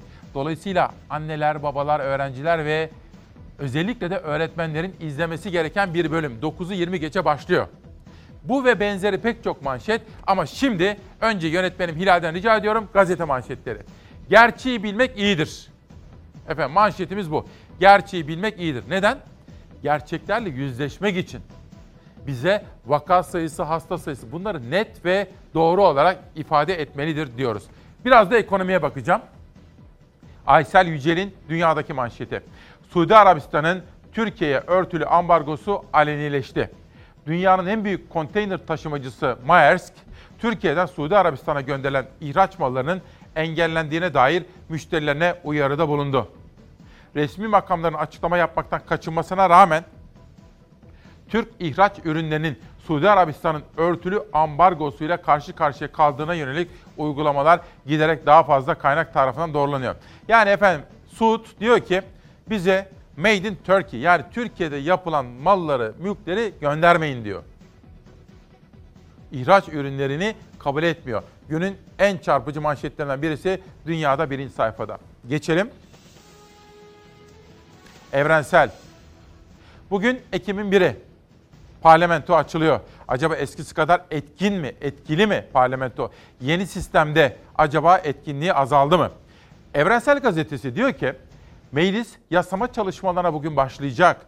Kıdem tazminatından kadın haklarına, yerel yönetimden siyaset hakkına temel kazanımları ortadan kaldıracak yasalar gündemde. Bizim de takip ettiğimiz önemli bir konu var. Kıdem tazminatının fona bağlanması. İstanbul Sözleşmesi'nden Türkiye'nin çekilme iddiaları siyasi partiler ve seçim yasasının iktidara avantaj sağlayacak biçimde değiştirilmesi, büyükşehir belediyelerinin yetkilerinin bir bölümünün daha merkezi iktidara devredilmesi, bir bölümünün daha merkezi iktidara devredilmesi. Yani vurguda bir hata yaptım, onun için düzeltmeye çalıştım. Meclis iç tüzüğünün muhalefeti daha da etkisizleştirmek için değiştirilmesi. İşte bütün bunlar evrenselin manşetleri. Efendim biz Sağlık Bakanlığımıza da, Bilim Kurulumuza da hatırlatmak istiyoruz ikili ilişkilerde de toplumsal münasebetlerde de biz gerçeği duymak istiyoruz. Canımızı acıtsa da, bizleri korkutsa da biz gerçeklerle yüzleşmek istiyoruz. Ölüm sayıları hakkında ilginç iddialar var. Bu konudan bir tartışma galibiyeti bekleyenlere sesleniyorum. Sayısal bir galibiyet arıyorsanız lütfen ruhaniyeti çiğnemeyin kayıplarımıza saygı gösterin. Ölüm sayılarıyla skor arayışında olanlar, sayıları gerçeğinden yüksek göstermeye çalışanlar nerede dayanak arıyor? Ölüm bildiriminde kullanılan form yeni değildir. 2013 yılından beri kullanılmaktadır. Bulaşıcı tek hastalığın COVID-19 olduğunu düşünen varsa yanılıyor. Şimdi baktım sosyal medyada bakanla ilgili mesajlar ağırlıkta, gündemde bir numaraydı. Bakın neler var. Fox Haber'den aldım bunu. Bakanın açıklamaları. her vaka hasta değildir. Çünkü testi pozitif çıktığı halde hiçbir semptom yani belirti göstermeyenler var ve büyük çoğunluğu bunlar oluşturuyor. Tünelin ucunda ışık göründü. Bakan her ne kadar tünelin ucunda ışık göründü dese de bilemiyorum. Acaba gerçek vaka sayısı kaçtır diye kamuoyunda meydana gelen şüpheler artmaya başlamış. Murat Emir, Sağlık Bakanı 29.377 vaka iddiamıza yanıt veremedi. Üstüne belirti göstermeyen vakaların tabloya dahil edilmediğini de belirterek iddiamızı doğrulamış oldu. Tarih yok dediğiniz belgenin de tarihini işaretledik. Buradan bakabilirsiniz Sayın Bakan diyor. Bu arada efendim Sezar Hakkı Sezar'a Ankara büromuzu içtenlikle kutlamak ve bu haberi yapan Yeşim arkadaşımızı da gerçekten tebrik etmek gerekiyor. Müthiş bir habercilik, müthiş bir detaycılık sergileder. Ankara büromuza kocaman bir alkış gitsin. Türk Tabipleri Birliği, Sağlık Bakanı Fahrettin Koca belirti göstermeyen ama testi pozitif çıkan vakaların günlük açıklanan tabloda yer almadığını açıkladı. 6 aydır bunu söylüyorduk. Süreci şeffaf yürütmediniz, gerçekleri gizlediniz, salgının yayılmasına engel olmadınız diyor. Esin Davutoğlu Şenol Hoca, bu açıklanan açıklanamayan sayılar var ya, bizler yani sağlıkçılar 1 Haziran'da normal hasta bakmaya başladık ve sürdürdük. Pandeminin başında kendimizi korumayı başarırken, hani Mart Nisan'da, normal zannettiğimiz insanlar bizler için bulaş kaynağı oldu. Pek çok meslektaşımız hastalandı. Hatta pek çok meslektaşımız hayatını kaybetti. Lütfen bu sayı saymaca değil, çok ciddi bir konu. Verileri, dağılımı, gerçeği bilmezsek korunmayız. Vaka sayımız kaç, nasıl çıkacağız bu salgından diye soruyor. Haklı ve yerinde sorular Esin Davutoğlu Şenol'dan efendim. Bir de yurdumuzun korayla, koronayla mücadelesinde Eylül'ün son gününden Ekim'in ilk gününe geçerken meydana gelen gelişmeler. Asker eğlencesi adı altında tozu dumana kattılar. Ne virüs dinlediler ne yasak. Mahalleli tepki gösterince ise hepsi birden saldırıya geçti.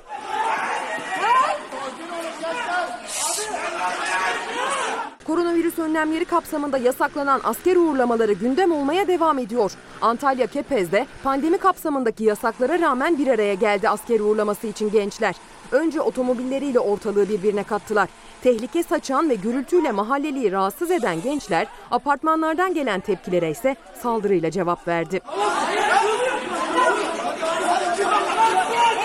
Dünya genelinde 1 milyondan fazla kişinin ölümüne neden olan koronavirüs salgını nedeniyle her geçen gün tedbirler arttırılıyor, denetimler sıklaşıyor. İçişleri Bakanlığı bugün 81 ilde koronavirüs denetimi yapılacağını gönderdiği genelgeyle valiliklere bildirdi. Genelgede sağlık için hepimiz için sloganıyla gerçekleştirilecek denetimlerin kapsamlı olacağı açıklandı. Yerel yönetimlerdense virüs mücadelesine katkı haberleri gelmeye devam ediyor. Son olarak Ankara Büyükşehir Belediyesi filyasyon ekibinin taksi ücretlerini üstlendi. Sağlık Bakanlığı ve valiliğimizle işbirliği yaparak pandemi nedeniyle karantina altında olan vatandaşlarımıza sağlık ekiplerinin hızlı müdahale edebilmesi ve gecikmelerinin önüne geçilebilmesi için filyasyon ekibinde yer alacak 300 taksicimizin günlük giderlerini karşılayacağız. Bir diğer yerel yönetici Muhittin Böcek ise koronavirüs mücadelesi vermeye devam ediyor. Muhittin Böcek'in son durumunuysa CHP Genel Başkan Yardımcısı Seyit Torun aktardı. Bir tık daha ileriye gittiğini, iyiye gittiğini e, ve her şeyin kontrol altında olduğunu, e, sürecin yakından takip edildiği ifadesi e, oldu. Kronik astım hastası olan Antalya Büyükşehir Belediye Başkanı 17 Ağustos'ta koronavirüs olduğunu öğrenmiş ve tedavi altına alınmıştı. 7 Eylül'den itibaren yoğun bakımda tedavisi süren Muhittin Böcek'in daha iyi nefes alabilmesi için nefes borusuna delik açıldığı biliniyor. Konuşma durumunu çok o konuda bilgi almadım ama tepki veriyor, e, konuşulanı anlıyor. Her şey kontrol altında burada, bilinci yerinde. Antalya Belediye Başkanı Sayın Muhittin Böceğe de geçmişler olsun diyoruz. Ailesine de güç, kuvvet diliyorum efendim. İnşallah sağlığına kavuşur. Dünyadaki manşetlere bakacağım ama bu sabahki son dakikaları şöyle kısacık hatırlatmak isterim. Elektriğe zam geldi efendim. %5.9 civarında bir zam geldi. Bu kötü bir haber. Bir de Kars'ta belediye başkanlığına yönelik operasyon büyümekte. O konudaki detayları da sizlere aktaracağım. Ayhan Bilgen biliyorsunuz gözaltında. Kars'ın gözaltında olmayan eş başkanı da gözaltına alındı. 19 HDP'li ile birlikte arkadaşlarım o konudaki gelişmeleri takip ediyorlar. Dünya gazetelerine baktığım zaman en son Le Monde gazetesinde kalmıştım ve iki başkan adayı arasındaki o televizyon tartışmasının kafaları ne kadar da karıştırdığını gözler önüne seren bir manşet vardı Le Monde'da. Geçelim The Wall Street Journal gazetesine. Bakın Trump'la Biden arasında pek çok Amerikalıyı da dünyayı da şaşkına çeviren bir tartışma meydana geldi ve birbirlerini yer yer aşağıladılar. Hiç üst düzey siyasilere ve kibar insanlara yakışmayacak üslubu kullandılar efendim. Sırada dünyanın korona ile mücadelesinin 1 Ekim'deki yansıması. Başbakan Netanyahu, İsrail'de endişeleri artırdı. Uygulanan karantina tedbirleri kademeli olarak bir yıl sürebilir dedi. Amerika Birleşik Devletleri'nde gönüllülere uygulanan aşının raporları çıktı. Aşının yıl sonuna kadar onaylanması bekleniyor. Çin Ulusal Günü'nde Pekin'den gelen görüntüler herkesin aklına tek bir soru getirdi. Çin'de salgın bitti mi? Dünya genelinde virüs rüzgarı hızla esmeye devam ediyor. Virüsle temas 34 milyon 200 bine tırmandı. Can kayıpları ise 1 milyon 18 binde. Çin'de başlayan ve tüm dünyaya hızla yayılan virüs can almaya devam ederken Çin'den gelen görüntüler akılları karıştırdı. Çin Ulusal Günü'nde binlerce insan kutlamalara katıldı.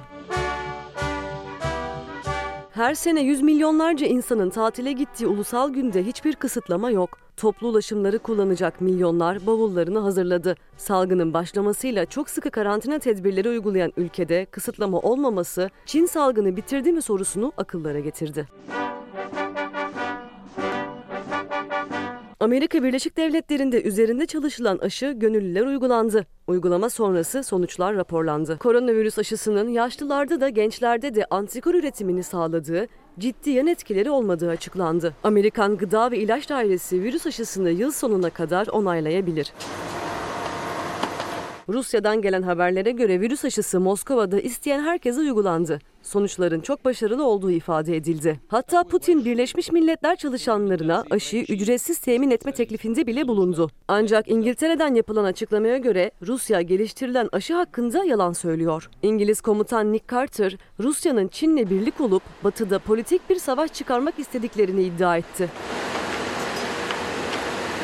Birçok Avrupa ülkesinin dışında İsrail'de de karantina uygulamasına geçildi. Başbakan Netanyahu karantina kararını kitlelerin protesto etmesine rağmen kaldırmıyor. Hatta serbest dolaşım yasaklarının bir yıl daha süreceğini söyledi. İlk seferki gibi hızla karantinadan vazgeçmeyeceğiz dedi. Bakın Suudi Arabistan gelişmesini sizlere aktarıyorum. Ali Çağatay bir deneyimli gazeteci. Bugünden itibaren Türk ihraç ürünlerinin Suudi Arabistan'a girişi yasaklanıyor yıllık 3 milyar dolarlık ihraç pazarımıza veda ediyoruz. Türkiye'nin Dünya Ticaret Örgütü nezdindeki girişimlerde bulunması gerek. Riyad yönetimine seyirci kalınırsa bu yol olur ve diğer ülkelere emsal oluşturur diyor.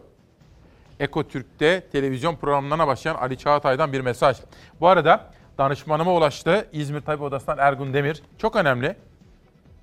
Danışmanım aracılığıyla sizlere aktarıyorum.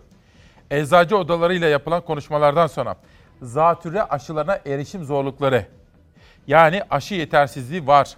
Grip aşılarında ise aşılama mevsimi başladı ancak henüz yurdumuza aşı gelmedi ve halkımıza aşı sunulamadı. Grip aşısı.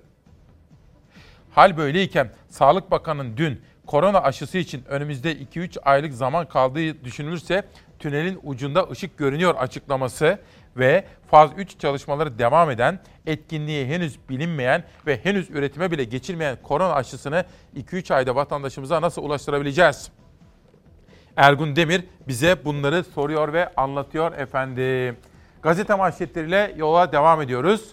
Evrensel'den gün boyuna geçelim. Dış ticaret açığımız Ağustos'ta %168 arttı. İhracatımız Ağustos'ta %5.7 azalırken ithalat %20 artış kaydetti. Böylece dış ticaret açığı bir önceki yıla göre %168.2 artarak 2 milyar 341 milyon dolardan 6 milyar 278 milyon dolara yükseldi diyor. Gün boyu gazetesinden Milli Gazete'ye bir başka ekonomi haberine geçiyorum.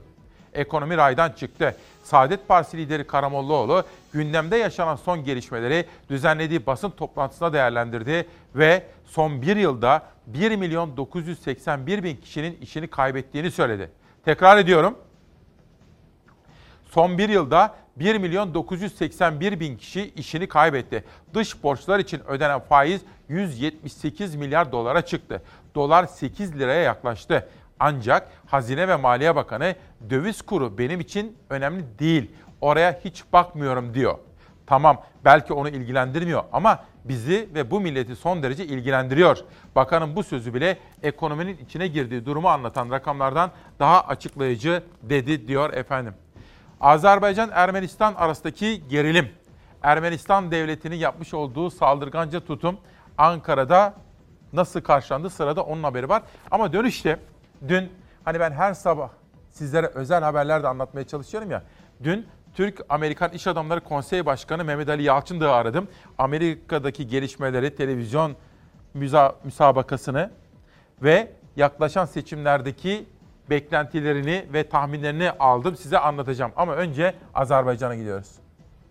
Azerbaycan e, sahada bunu çözmek istiyorsa da biz tabii ki tüm imkanlarımıza Azerbaycan'ın yanında olacağız dedik. Ankara'dan hem masada hem sahada destek açıklamalarının gelmesi üzerine Türk askeri de Karabağ'da Azerbaycan ordusuna destek veriyor iddiasını Erivan yönetimi dile getirdi. Hem Milli Savunma Bakanlığı yalanladı hem de Azerbaycan Cumhurbaşkanı Aliyev. Ermenistan resmi hesaplarından kendisine karşı Türk uçaklarının ve İHA SİHA'larının kullanıldığına dair hiçbir kanıta dayanmayan yalan iddialarda bulunulmaktadır.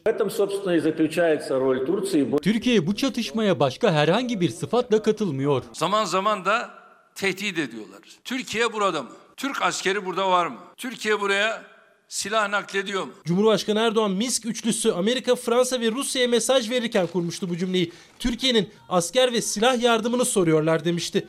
Ermenistan'ın Türk F-16'sı Ermenistan uçağını düşürdüğü yalanı sonrası Türk askerinin sahada olmadığını Ankara ve Bakü birlikte duyurdu. Ermeni tarafının Türkiye'nin çatışmaya taraf olarak katıldığına dair yaydığı tüm söylentiler kışkırtıcı nitelik taşıyor. Türkiye'nin çatışmaya dahil olduğuna dair hiçbir kanıt yok ve böyle bir ihtiyaç da yok. Bunlar Ermenistan'ın karşısında Türkiye'nin olduğu algısı yaratarak arkasındaki desteği artırma maksatlı kara propagandasından başka bir şey değildir. Azerbaycanlı kardeşlerimiz nasıl istiyorsa, ne kadar istiyorsa ve ne şekilde istiyorsa Türkiye Azerbaycan'ın yanında olmaya devam edecektir. Ankara'da şu an itibariyle sahada yokuz diyor ama Bakü yönetimi istediği takdirde askeri destek verilebileceğinin altını da özellikle çiziyor. Azerbaycan Efendim? nerede nasıl Türkiye'ye ihtiyaç duyarsa biz kardeş olarak Can Azerbaycan'ın yanındayız. Türkiye üzerine düşen görevi yapıyor. Azerbaycan'ın e, kendi topraklarını savunması elbette onun en doğal hakkıdır. CHP lideri Kılıçdaroğlu da Haber Global Televizyon'da katıldığı programda iktidarın Dağlık Karabağ politikasına destek verdi. Sırada bir ekonomi haberi var efendim. Ama dün Washington'a yakın bir isim, Türk-Amerikan İş Adamları Konseyi Başkanı ve Türkiye ile Amerikan ilişkileri normalleşsin diye çaba gösteren bir isim. Trump'a da yakın bir isim. Mehmet Ali Yalçın'ı aradım yazın çünkü kendisiyle bir konuşmuştum. Joe Biden'ın önde olduğunu, lakin bir televizyon starı olduğu için de Trump'ın 3 televizyon müsabakasından olumlu sonuçla ayrılması halinde seçimi kazanabileceğini söylüyordu yazın. Dün sordum. Doğrusu dedi Trump kendisinden beklenen performansı televizyonda sergileyemedi. Ama dedi hala 5 eyalet var. O 5 eyaletin bundan sonraki yönelimleri seçimin kaderini etkileyecek dedi. Bazı detaylar da verdi Mehmet Ali Yalçın da. Ama sonunda şunu da sordum. Trump kazanırsa ne olur, Biden kazanırsa ne olur? Ankara'nın tabii beklentileri farklı olabilir ama Mehmet Ali Yalçın da şunu söylüyor. Türkiye büyük ve önemli bir ülke ve dünyada da önemli. Dolayısıyla Biden da kazansa, Trump da kazansa Türkiye için çok fazla bir şey değişmemesi gerekir diyor Mehmet Ali Yalçınlar. İşte bütün bunları da sizlere böyle dışarıdan da medya başlıklarından anlatmış olayım. Buraya kim gelirse gelsin sorum şuydu. Demokrasi meydana katılanlara. Türkiye'nin bir numaralı gündemi ve halkın en önemli derdi nedir? İşsizlik, ekonomi. Damat Bakan'ın verdiği rakamlar aslında AK Parti'nin 2023 hedeflerinin iflasının ilanıdır. 2023'te bir başka hedefimiz daha var. Türkiye genelinde işsizlik oranını yüzde beşlere kadar çekeceğiz. İşsizlik oranının kademeli olarak gerileyerek 2023 yılında %10,9 seviyesinde gerçekleşmesini öngörüyoruz. O kadar öngörüsüzler ki. Yeni ekonomi paketindeki 2023 hedeflerine karşı muhalefet arşivi açtı. Erdoğan'ın başbakan olduğu dönemde 2011 yılındaki 2023 hedeflerini hatırlattı. İşsizlik hedefini %5 olarak koymuştu Erdoğan 2023 için. Albayrak %10,9 olacak dedi. Milli gelir hedefleri de büyük oranda değişti. 2023 için hedef neydi? 2023'te ise Türkiye'nin inşallah milli gelirini 2 trilyon dolar seviyesinde görmek istiyoruz. Hedefimiz bu. Damat Bakan'ın verdiği rakamlar 2023'te milli gelirimiz 875 milyar doları ancak bulacakmış. Bugün açıklanan yeni ekonomi programı ile 2023 hedeflerinin çöp olduğunu itiraf etti. Erdoğan Başbakanlığı döneminde 2023 hedeflerini açıklarken Türkiye'nin milli gelirinin 2 trilyon dolar olacağını söylemişti. Hazine ve Maliye Bakanı Berat Albayrak ise 875 milyar dolar hedef koydu. Yani ilk hedeften %64 daha düşük. 2023 için kişi başı milli gelir hedefi de %65 düştü. 2023'te bir başka hedefimiz daha var. Kişi başına düşen milli gelirinde 25 bin dolar olmasını hedefliyoruz. Bunu da başaracağız. İlk orijinal 2023 hedefleri olarak 25 bin dolar açıklanmıştı. Daha sonra 2019 yılında 12.444 dolara revize edildi.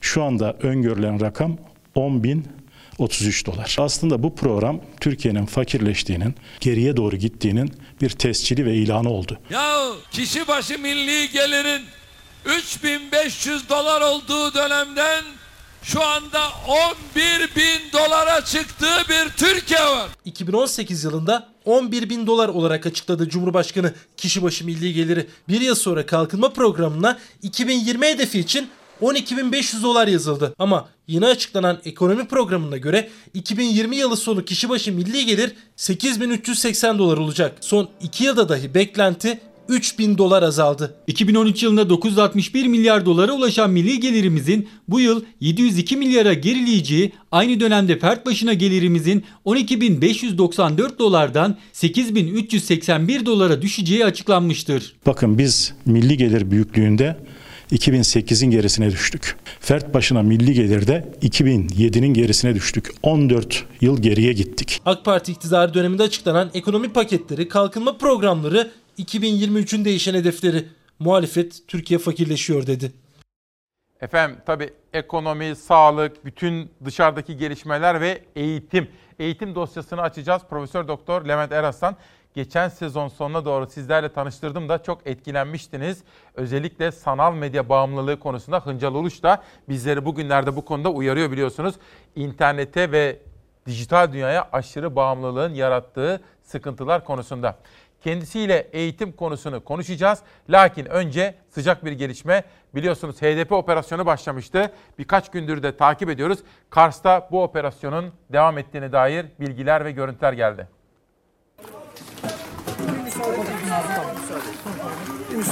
Savcılığın talimatıyla polis sabah saatlerinde harekete geçti. Terör soruşturması kapsamında Kars'ta operasyon düzenledi. Aralarında HDP'li belediye başkan yardımcılarıyla HDP'li il ve ilçe başkanlarının bulunduğu 19 kişi gözaltına alındı. 25 Eylül'de 6-8 Ekim 2014 olaylarına yönelik soruşturma kapsamında Sırrı Süreyya Önder gibi HDP'li eski vekillerin Kars Belediye Başkanı Ayhan Bilger'in ve HDP'nin Rütük üyesi Ali Ürküt'ün de aralarında bulunduğu 82 kişi hakkında gözaltı kararı verildi. 20 isim gözaltına alındı. O operasyon kapsamında soruşturma sürerken sabah saatlerinde yeni gözaltı haberleri geldi. Bu kez Kars Cumhuriyet Başsavcılığı'nın yürüttüğü terör soruşturması kapsamında aralarında HDP'li belediye başkan yardımcılarının da olduğu 19 kişi hakkında gözaltı kararı verildi. Haklarında silahlı terör örgütüne üye olmak suçundan yakalama kararı çıkartıldı. Belirlenen adreslere eş zamanlı giden polis Kars Belediye Başkan Yardımcısı Şevin Alaca ve Muazzez Çağrı Tekinci ile belediye meclis üyelerinin de aralarında bulunduğu 19 şüpheliyi gözaltına aldı. Polis ayrıca Kars Belediye Başkanlığı ve HDP parti binasında da arama yaptı. Bu konuyu da takip ediyoruz. Bu arada bir not daha aktarmak isterim. Halk TV bugün 1 Ekim'de dördüncü gündür kapalı. Özgür Türkiye gazeteciler özgürce konuşsun isteyen bizler bu ülkenin sevdaları olarak üzüntülüyüz. Bunu bir kere daha dile getirmek isterim. Eğitim dosyasını açacağım. Levent Eraslan hocam geldi. Profesör Doktor Levent Eraslan. Hocam günaydın. Günaydın efendim. Hoş geldin. Nasılsın? Teşekkür ederim. Sağ olun. Sizler de iyisiniz. Geçtiğimiz yıl tanıştırmıştık sizlerle. Evet. Eğitim konusunda uzmandır. Özellikle dijital dünyaya çok hakimdir. Hocam kravat çok tanıdık geliyor. Evet efendim sizden almıştık iki sene önce Eskişehir'den. Ha, hatıra diye vermiştik. Evet, tamam ben evet. de gözüme aşina geliyor. Hocam şimdi eğitim konusuna gireceğiz. Bugün işte Yazgül'ü Aldoğan yazmış, Üstün Dökmen yazmış, Feray Aytekin Aydoğan yazmış. Hazır mıyız? Okullar açıldı haberini izleyelim. Konuğumuzla sohbete başlayalım. Bugün eğitimle ilgili durum konuşuldu bilim kurulumuzda. Ve şu ana kadar hazırlık ve birinci sınıflarla ilgili yüz yüze olan eğitimde ciddi herhangi bir e, sorun yaşamadık. Pazartesi günü kabine toplantısında da bilim kurulunun önerisini e, gündeme almış olur, gündeme alınmış olur. E, önümüzdeki haftalar e, bizim daha önce de bilim kurulunun düşündüğü biliyorsunuz hazırlık 1 ve 2. sınıflar şeklinde idi. Muhtemelen ikinci sınıflar 8 ve 12'ler için e, bununla ilgili bir bilim kurulunun önerisi var. Bunu netleştirip sunmuş olacağız. Gelecek hafta bu konuyla ilgili daha net bir e, karar alma sürecine gelinse zaten açıklamış olur. Evet Profesör Levent Eraslan'a soralım. Hocam okullar açıldı ama yani bilmiyorum açılma diyor muyuz? Siz bunu nasıl tanımlıyorsunuz? Evet, e, EBA'da ilk ders başladı mesela İsmail Bey. 10 dakika oldu. Şimdi Nur Hanım çocuğum dersi sokabildi mi? Hatice Hanım çocuğu kaldırabildi mi yataktan? Çünkü öyle bir sisteme e, düzeldi ki süreç hibrit dediğimiz yapı diyoruz ama okullar açıldı. İşte birler, sekizler, on ikiler okula gidiyor. Ama gitmeyen ara kademeler var. Ve ara kademelerde geçen hafta biliyorsunuz uzaktan eğitim sisteminde yaşanan bir problemleri gördük. Ve ne yazık ki süreçten kopmalar, sürece olan e, güven düşüklükleri söz konusu olmaya başladı. Çünkü veli ben giremiyorum diyor. Sisteme giremedikten sonra o süreç ne yazık ki başlamıyor. Başlamadığı zaman da eğitim öğretim devam etmiyor. Tabii okullarda e, hijyenik olarak, pandemik kurallara uygunluk olarak e, güzel ve önemli tedbirlerin alındığını görüyoruz. Ama ikinci sınıflar ne olacak? Geçen yıl bunlar Mart'ta okuma yazmaya başladılar. Şak şey kesildi.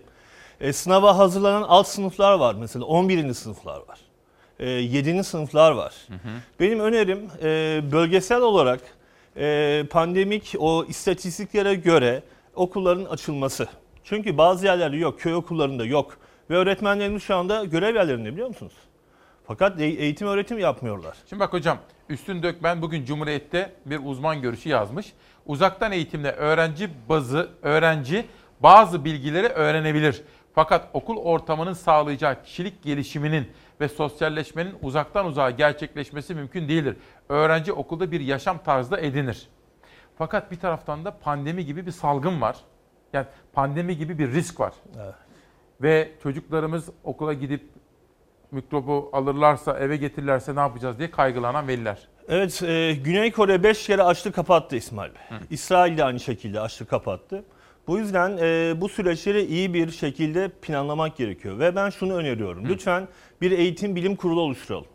İki tane kurullar kurul var. Biri işlevsel, diğeri toplum bilim kurulu işlevsel değil. Eğitim bilim kurulu oluşturalım, bunları tartışalım. Ya sağlıktaki bilim kurulu gibi. E, tabii öğretmenlerimiz olsun, akademisyenler olsun, özel okul temsilcileri olsun, veliler olsun ki biz bunları tartışalım. Çünkü her şeyi biz Sağlık Bakanlığı'na soruyoruz. Ama bakın hoca doğru bir şey söylüyor. Eğitim mi, öğretim mi? Biz uzaktan öğretim yapabiliyoruz. Ama o eğitimin vereceği insani davranışlar, sosyalleşme, kişilerin iletişim düzeyinin yükselmesini uzaktan öğretimde çok yapamıyoruz. Bu yüzden mutlaka ve mutlaka eğitim bilim kurulunda bunları tartışıp bir karar alınması gerekiyor diye düşünüyorum. Hocam Eğitim Sen Başkanı'nın bugün bir günde bir yazısı var. Feray Aytekin Aydoğan'ın 5 Ekim Dünya Öğretmenler Günü'nde krizde öncülük ediyor. Geleceği yeniden hayal ediyoruz. Kahramanmaraş'ta işte bunu tam sizin uzmanlığınız size soracağım bunu.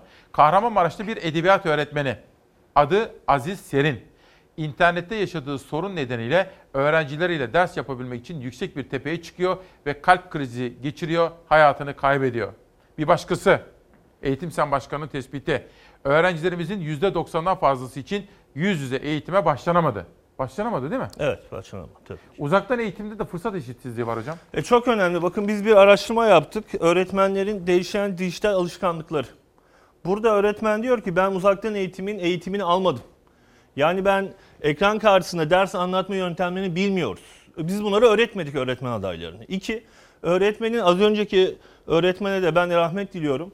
E, teknolojik altyapı eksikleri var öğretmenlerimiz. Sade öğrencilerimizin değil. Hmm. Bakın bir webcamle ders anlatmak ayrı İsmail Bey. Tabii. Küçücük mercekte anlatmak ayrı. Tabii. Speaker'la anlatmak ayrı, o aracın sesiyle anlatmak çok ayrı. Ben defaatle söyledim. Lütfen öğretmenlerimizi de destekleyelim.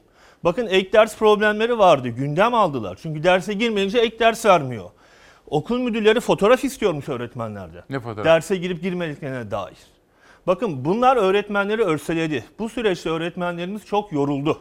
İşte bakın hoca fedakar, cefakar, tepelere çıkmış, kalp krizinden vefat etmiş. Yani bunu hak edecek bir ülke miyiz? Değiliz. Bakın e, biz uzaktan eğitim teknolojisinde İsmail Bey yurt dışına bağımlıyız. Bakın çok net söylüyorum. Zoom geçen yıl 1 liraydı, bu yıl 30 lira istiyor Milliyetin Bakanlığı'ndan. Bakın bizim serverlarımız, o bank genişliklerimizi tamamı yurt dışından. Bunu artık yerli hale getirelim. Yapalım. Yapalım. E, bir ara bu Hüseyin Yücel, Enver Yücel anlatıyordu bize. Tabii. Yerlileştiriyor. Ne oldu onlar? Enver Yücel ve ekibini kutluyor. Oldu Enver mu? Bey biliyorsunuz dünyaca ünlü bir eğitim lideri oldu tabii ki. Hay ne Ee, oldu? Yani böyle şöyle Zoom yaptılar. gibi bir E, tabii. Oldu Ee, bir yapay zeka temelli MethodBox adlı uygulamanın yıllardır kullanıyorlar ve CMeet adlı bir e, eğitim telekonferans sistemi İsmail Bey bu çok önemli. Bakın eğitim temelli konferans sistemleri Hayır oluşturmuşlar. hocam bir şey soracağım. Şimdi devletimiz de geçen sene şunu söylüyordu. Bunlar Türkiye'nin siber güvenliği açısından riskli diyordu. Evet. Yerlileşmek diyordu bu. Ama bak bir şey söyleyeceğim. Şimdi mesela bugün Yazgül Aldoğan da yazmış. Diyor ki pandemi en çok yoksul kesimleri vuruyor. Çünkü onlar her koşulda çalışmak zorunda ve kendilerini koruyamıyor. Maskeye bile ulaşamıyor. Sosyal mesafeyi koruyamıyor. Hijyen mi? Nerede? Yoksullar iyi beslenemiyor, iyi dinlenemiyor, bunalıma giriyor diyor. EBA uzaktan eğitimde en çok yoksul kesimin çocuklarını vurdu diyor. Çok doğru çünkü teknolojik eşitsizlik diye bir kavram var.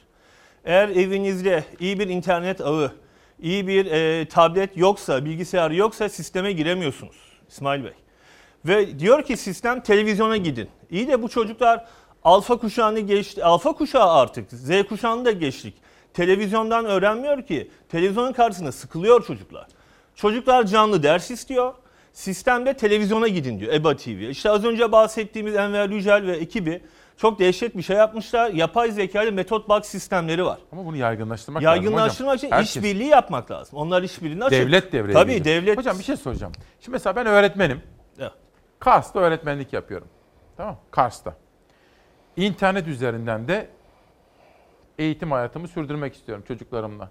E, ama benim var mı tabletim, benim internetim var mı? Tablet, internet biz bunun hesaplamasını yaptık. En minimum 7 bin liraya mal oluyor İsmail Bey. 4 kalem mal. Eğer bunlar yoksa erişemezsiniz. Uzaktan eğitim dediğimiz zaten ilk Almanya'da mektupla başlayan bir sistem. Öğrenenle öğreten bir arayüzle bir araya geliyor. Bu arayüz işte günümüzde internet teknoloji. Bir şey daha söyleyeyim. Bakın Türk Telekom'un e, hatları var her sokakta. Bu hatların artırılması gerekiyor. Ve bu ülkede internetin çekmediği birçok bölge var. Ve ne yazık ki Avrupa Birliği ülkeleri arasında en düşük hız bizde. Yani o Romanya, o Bulgaristan'ın bizim iki katı yükseklikte internet hızı var. Bu sadece e, EBA problemi değil. Teknolojik altyapının da çok hızlı bir şekilde gelişmesi gerekiyor. Hocam şimdi geçen hafta, bu haftanın başında Mansur Yavaş'la ilgili de bir haber yaptık. Çalar Saat gazetesinde de verdik onu. Çünkü çocuklarımızın köylerde de uzak kırsal kesimde de internete erişebilmesi gerekiyor. Fakat imkanımız yok maalesef. Belediyelerin de devreye girmesi gerekmiyor mu burada? Evet Fatma Şahin hanımefendi de yaptı biliyorsunuz Gaziantep'te. Antep'ten. Ee, işte çeşitli belediyeler bunları yapıyor. Ee, çok önemli ve değerli ama tablet fiyatları arttı. İsmail. Hmm. Piyasada tablet kalmadı mesela. Şimdi bizim bakın çok önemli bir şekilde sadece internet değil. Bunun bir de yerli üretimi çok çok önemli. Yani bir tablet bir günde 300 lira zam olur mu? Şimdi ben şunu soracağım size. Bir baba üzülmüyor mu çocuğu tableti yok diye? Üzülüyor tabii ki. Yani bir bakıyor buradan da fiyatlar yükselmiş, oradan da fiyatlar yükselmiş. Geçen hafta Almanya bunu yaptı. Merkel öğrenci ve öğretmenlere sıfır tablet dağıtmaya başladı. Yani Bedava bu- ver- e, verdi, Biz değil mi? yapabiliriz bunu. Biz yani Sayın Cumhurbaşkanı biliyorsunuz dijital dönüşüm ofisi kurdu. Bunlara önem veriyor. Biz bunları yapabiliriz. Yeter ki hep beraber hareket edelim. Bir şey söyleyeceğim. Manşet çıksın. Bütün öğrencilerimize im- imkanı olmayan bütün öğrencilerimize internet ve tablet devletimiz tarafından verilmeli. Verilmeli. Evet. Yani verecek gücümüz de bizim var. İşte az önce bahsettiğimiz kurumların teknolojik deneyimleri var. Uzaktan eğitim bir makro strateji. Dünden bugüne olmuyor. İşte Enver Yücel bu işe tam 10 yıl önce başlamış. Şimdi bak bu işte mesela fırsat eşitliği istiyoruz. 928 mahalle ve köyümüze diyor. Ücretsiz internet hizmeti sağlamak için TürkSat ile görüşmelere başladık diyor Mansur Yavaş. Hocam bak biraz evvel Feray Hanım eğitim sen başkanın hatırlattığı öğretmenimiz bu. İnternet çekmiyor ve biraz yukarıya çıkmak istiyor ve kalp krizi geçiriyor. Çocuklarına onlara eğitim sağlamaya çalışırken Evet. Allah rahmet eylesin diyor. Allah rahmet Hocam bir de şimdi eğitim işin bir bölümü. Bir de hepimizin maruz kaldığı, çocuklarımızın maruz kaldığı siber saldırılar, siber güvensizlik, tehditler, riskler. Geçen defa böyle hap gibi söylemiştiniz. Böyle yine onları bir tazeleyebilir miyiz? Evet sosyal medya saldırganlığı diyorum ben buna. Bugün de yasa yürürlüğe girdi İsmail Bey biliyorsunuz. O yasaya ilişkin eleştirilerim de Evet, var ama. Var ama yasa e, özellikle sağlayıcılara dönük bir kısıtlama getirdi. Bir, anne ve babalar lütfen çocuklarının dijital ayak izlerini takip etsinler. Sosyal medyada kimlerle konuştuklarını lütfen görsünler.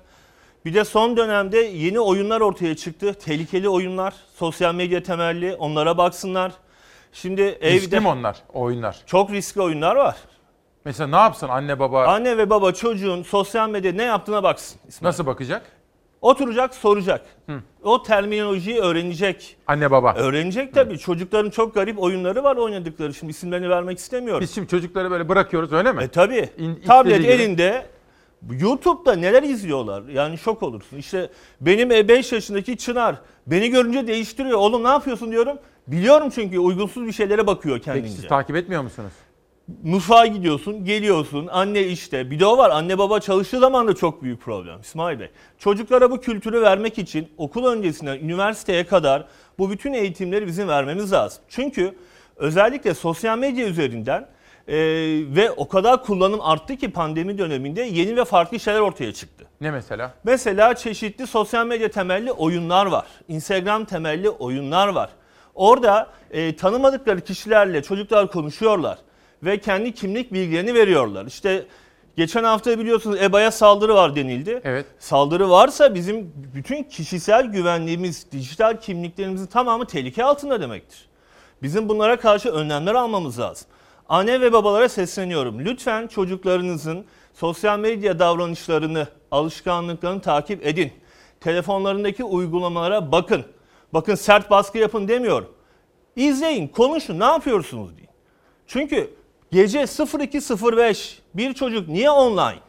Olamaz. Olamaz tabii ki yani. Çünkü emniyetin verdiği verilere göre sosyal medyadaki bütün olumsuzluklar o saatlerde olmakta. Gece. Tabii bet dediğimiz kumarlar. Bet. O kadar yaygınlaştı ki. Bahis siteleri. Bahis siteleri tabii en ufak diziye giriyorsun karşınıza o çıkıyor biliyorsunuz. Hmm. İki, e, so, e, ifşa adı verdiğimiz o çirkin görüntüler. Oyunlar. Oyunlar tabii. Tehlikeli oyunlar. Ve bir bakıyorsunuz çocuklar burada şey yapmışlar. E, sürecin Peki içine kaybolmuş. hocam mesela çocuğumun böyle yaratıcılığını geliştirecek oyun oynamasını istiyorsam E, var mı tabii onlar? ki var tabii ki. Öyle de oyunlar Nasıl var. bulacağım onları? Bunların Nereden bileceğim? tamamı şeylerde var. E, Milli Eğitim Bakanlığı sitelerinde var. EBA'da var. Var mı? Tabii oraya bakıp bunları alabilirler. Dil öğrenmek için. Bakın uzamsal dediğimde o 3 boyutlu zekayı geliştirmek için çok güzel oyunlar var. E, matematik için oyunlar var. Ama kontrolü bir kaçırdığı zaman çocuk az önce söylediğimiz o çarkın içerisinde kayboluyor ne yazık ki. O zaman milli eğitim sitelerine girip çocuğumun gelişimi için uygun yararlı oyunların listesini Var, alabilirim. evet EBA sisteminde bu var. EBA sisteminin e, sürecinde yenilikler yapıldı. Lütfen oraya girsin verilerimiz ve baksınlar. Peki. Bir haberimiz var eğitim konusunda. Son sözünüzü soracağım size. Hazır mıyız? Korona zamanında, pandemi zamanında eğitim manşeti geliyor.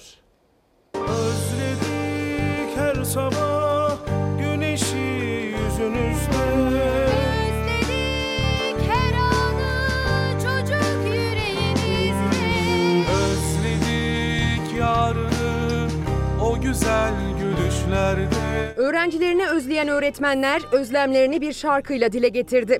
Köylerinde internet olan tek ev imamın evi olduğu için her gün derse girmek için kapıda sıraya giren öğrencilerin sesi ise duyuldu. İnternetlere giremiyorduk. Tabletimiz, telefonumuz yoktu. Ee, EBA destekleyen tabletlerimiz, telefonlarımız geldi. Ee, onlara çok teşekkür ederiz. Bizi çok mutlu ediyor. İnternet istiyoruz. Hiç yok olmasa direkt dikivesin. Öğrenci ve veliler internet istiyoruz diye seslenmişti. Yönetenler o sesi duydu. Çocuklarımız derse girebilecek. Büyüklerimiz sesimizi duymuş. Çocuklarımız derse internet bağlandı. Sesimizi duymuşlar. Çok teşekkür ediyoruz. Muğla'nın Ula ilçesi Turgut Mahallesi'nde internet olan tek ev İmam Muhammed Özbariş'in evi olduğu için sırayla canlı derslerine girmeye çalışıyorlardı öğrenciler. Ama zaman yetmiyordu. İnternetler olmadığı için uzaktan eğitime giremiyoruz. İnternetten ders yapamıyorduk ama şimdi internetimiz geldi. Muğla Valisi Orman Tavlı'nın talimatıyla İl Milli Eğitim Müdürü Pervin Töre ve ekibi harekete geçti. 10 bilgisayar 5 tabletle Turgut İlkokulu'nun iki odası EBA destek noktasına dönüştürüldü. Milli Eğitim Müdürlüğü olarak çocuklarımızın burada okuyan ilkokul, ortaokul, lise öğrencilerimizin birebir EBA'ya e, ulaşımı takip edilecek ve izlenecektir. Basınımıza da bu konuda verdiği katkılardan dolayı teşekkür ediyoruz. Turgut Mahallesi'nde internet altyapısı içinde çalışma başlatılacak. O zamana kadar öğrenciler okula gelerek öğretmenlerinin verdiği canlı dersleri takip edebilecek. Bilgisayar başında kamera karşısına geçen öğretmenlerse canlı dersleri ilgi çekici hale getirebilmek için yeni yöntemler deniyor. İşte onlardan biri. İlkokul öğretmeni Mustafa Yıldız her gün bir başka masal kahramanının kılığına girerek çıkıyor öğrencilerinin karşısına. Videoları ilgi çekici hale getirmek için e, Nasrettin Hoca olduk, Ke- Keloğlan olduk, e, Sihirbaz olduk, Barış Manço olduk. Hatay'daysa müzik öğretmenleri okulda eğitime ara verilmesi nedeniyle öğrencilerine duydukları özlemi bir kliple anlattı. Siz olmadan sağır dilsiz okulun her köşesi. Selami Şahin'in Özledim şarkısını öğrencilere uyarladı öğretmenleri. Sadece öğretmenler öğrencilerini değil, öğrenciler de okullarını, derslerini ve öğretmenlerini çok özledi. Özledik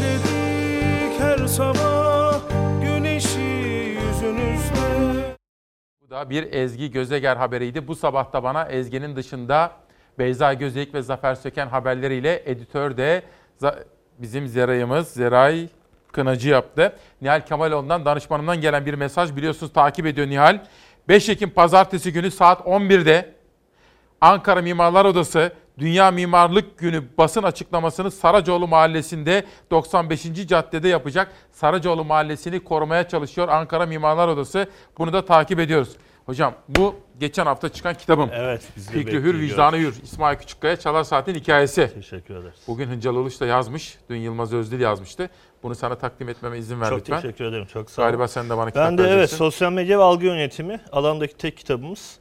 Ee, Profesör Doktor Levent Eraslan Sosyal Medya ve Algı Yönetimi. Evet. Biraz sonra da 10 kitap tanıtımı daha yapacağım. Hocam son olarak Türkiye'mize, halkımıza neler söylemek istersin? Evet anne ve babalarımız bu süreçte sabırlı olsunlar, sistemli olsunlar ve çocuklarını kontrol etsinler.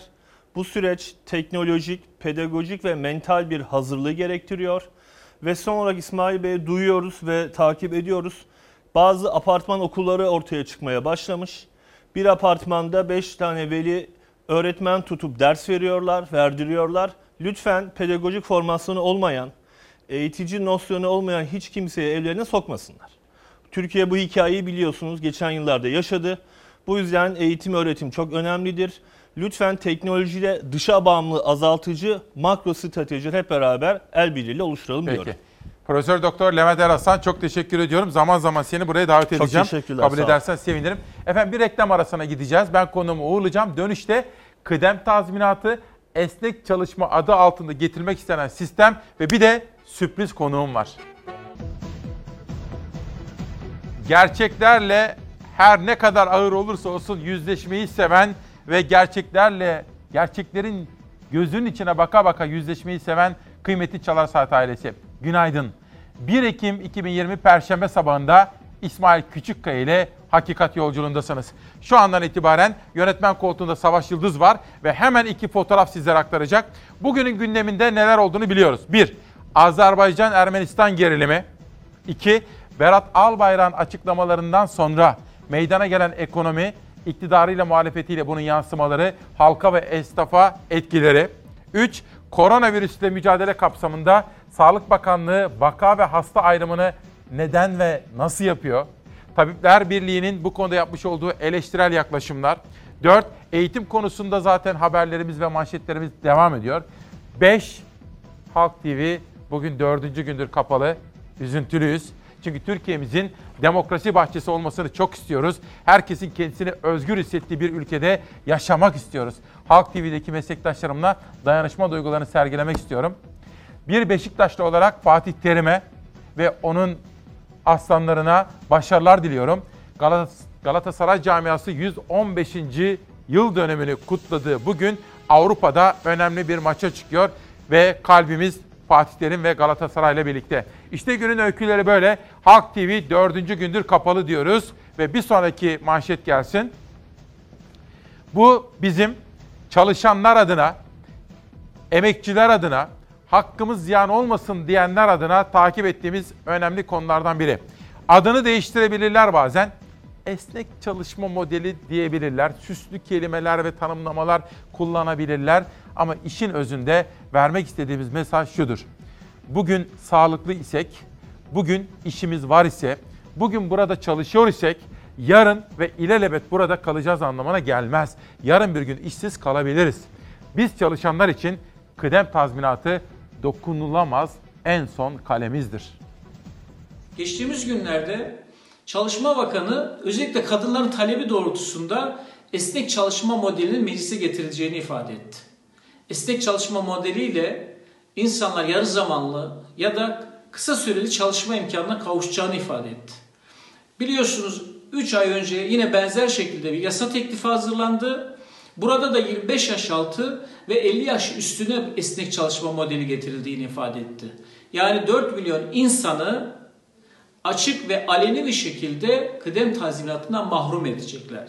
Çünkü yasalarımız süresiz çalışma halinde ihbar tazminatını ve kıdem tazminatını hak olarak verir. Burada yapılan işçinin ömür boyunca çalışmasının bir armağanı, bir sonucu olan, alın terinin karşılığı olan kıdem tazminatını işçinin elinden almak demektir. İşçilik, işsizlik fonunda yaptıkları gibi. Bu işçi bu biriktirdiği parayla çocuğuna belki de çeyiz hazırlayacak. Belki de yaşlandığında kendine bir ev alacak. Bunların hepsinden mahrum edecek bu sinsi plan meclise geldiğinde yine biz karşısında olacağız. Çünkü yapılan işçinin alın terine, işçinin emeğine bir gasptır. Kesinlikle diğer fonlarda olduğu gibi bizim hakkımızı, hukukumuzu buharlaştırmaya çalışmasınlar efendim. Bu gerçekten bizim en son kazanılmış hakkımızdır ve bunu feda edemeyiz. Ve bakın Milli Mücadele ve İşçi Hareketleri Ahmet Hür. Benim en sevdiğim bölümlerden biri de kitap tanıtımı yaptığım bu bölümlerdir efendim. 8 yıl evvel başladığımızda ve bugün bakın gurur duyuyoruz bundan. Yani kitap tanıtım en önemli konu. Tarık Tufan kaybolan diyor. Biraz sonra size sanat haberlerinden de bahsedeceğim. Bir de sürpriz bir konuğum var. Adı Selin. Selin Gören. Liseden yeni mezun olan bir genç kızımız ama pırıl pırıl. İçiniz açılacak. Ve şimdi Savaş gelsin tweetler. Günü özetlemek istiyorum. MHP lideri Bahçeli, Anayasa Mahkemesi yeni hükümet sisteminin doğasına uygun şekilde yeni baştan yapılandırılmalıdır. İçişleri Bakanı Süleyman Soylu'dan kısa bir süre sonra MHP lideri Devlet Bahçeli de Anayasa Mahkemesi'ni siyasetin gündemine taşıdı. Acaba ne olacak? Ahmet Davutoğlu 33. İl Kongremizi gerçekleştirdik. Her zaman dediğimiz gibi hiçbir şey bitmedi. Her şey bugün burada Muş'ta yeniden başlıyor diyor Gelecek Partisi lideri Davutoğlu.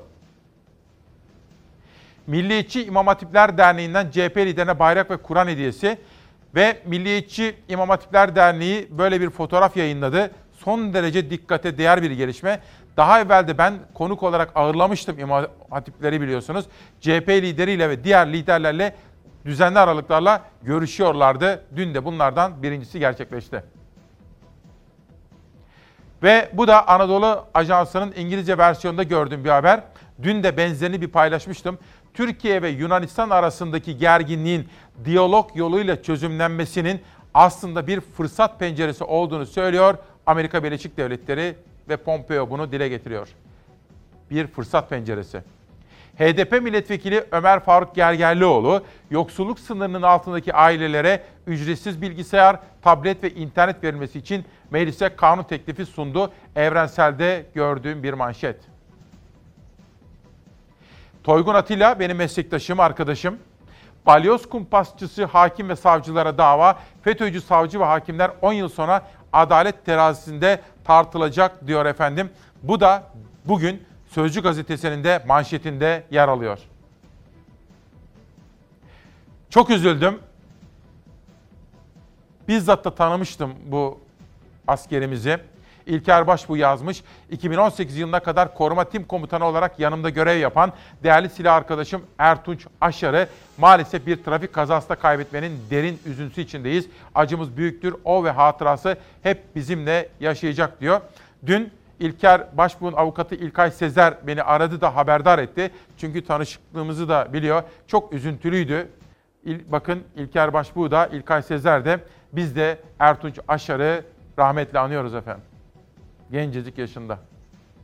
Adem Özköse ülkede onca haksızlık ve hukuksuzluk olurken bir kez bile sesini çıkarmamış, buna cesaret edememiş siyasiye, akademisyene, şaire, hocaya, STK liderine saygım yok. Kimse kusura bakmasın diyor. Hani geçtiğimiz günlerde o çıkan kitabımız var ya Fikri Hür, Vicdan Hür. O kitapta da bunu söylemeye çalıştım efendim. Benden, Fatih Portakal'dan, Selçuk Tepeli'den, gazetecilerden kahraman çıkarmaya çalışmayınız. Bizler görevimizi yapacağız özgürce, korkmadan. Ama asıl kahraman sizler olmalısınız. Ülkeniz, çok sevdiğiniz ülkemiz için bir şeyler yapmalısınız. Demokratik haklarınızı kullanmalı, bilinçli yurttaşlar olmalısınız. Hep bunu söylemeye gayret ediyorum. Esnek çalışma sistemine ilişkin bir detay haber daha var. Savaş hazır mıyız? İzleyelim. Emeklilikte yaşa takılanlar yaşımızdan dolayı zaten iş bulamazken yine her an her dakika kapı önüne bırakılmasına sebep olacaktır. Hem emeklilik haklarında ciddi kayıplar söz konusu olacak. Eğer özel bir düzenleme yapılmazsa sağlık hakkında kayıplar olabilir. Esnek çalışma paketini meclise gönderdi. Çalışma Bakanlığı yasalaşırsa 29 yaş altı ve 50 yaş üstü 10 günden az çalıştığında işveren sigorta primi ödemek zorunda olmayacak. Bu da özellikle emeklilikte yaşa takılanları zorlayacak. 50 yaşın üstünde her an her dakika işverenin keyfi davranışıyla kapı dışarı edilecek. Tazminatsız, sorgusuz, sualsiz. Yasa çıksaydı 99'dan önce sigortalı olanlar emekli olacaktı ama şu an olamadık maalesef çıkmadı. Çalışıyor musunuz? Çalışıyorum evet. Karşıyım yani onaylanmasına. Yukarıdakiler yine bildiğini okuyacak yani.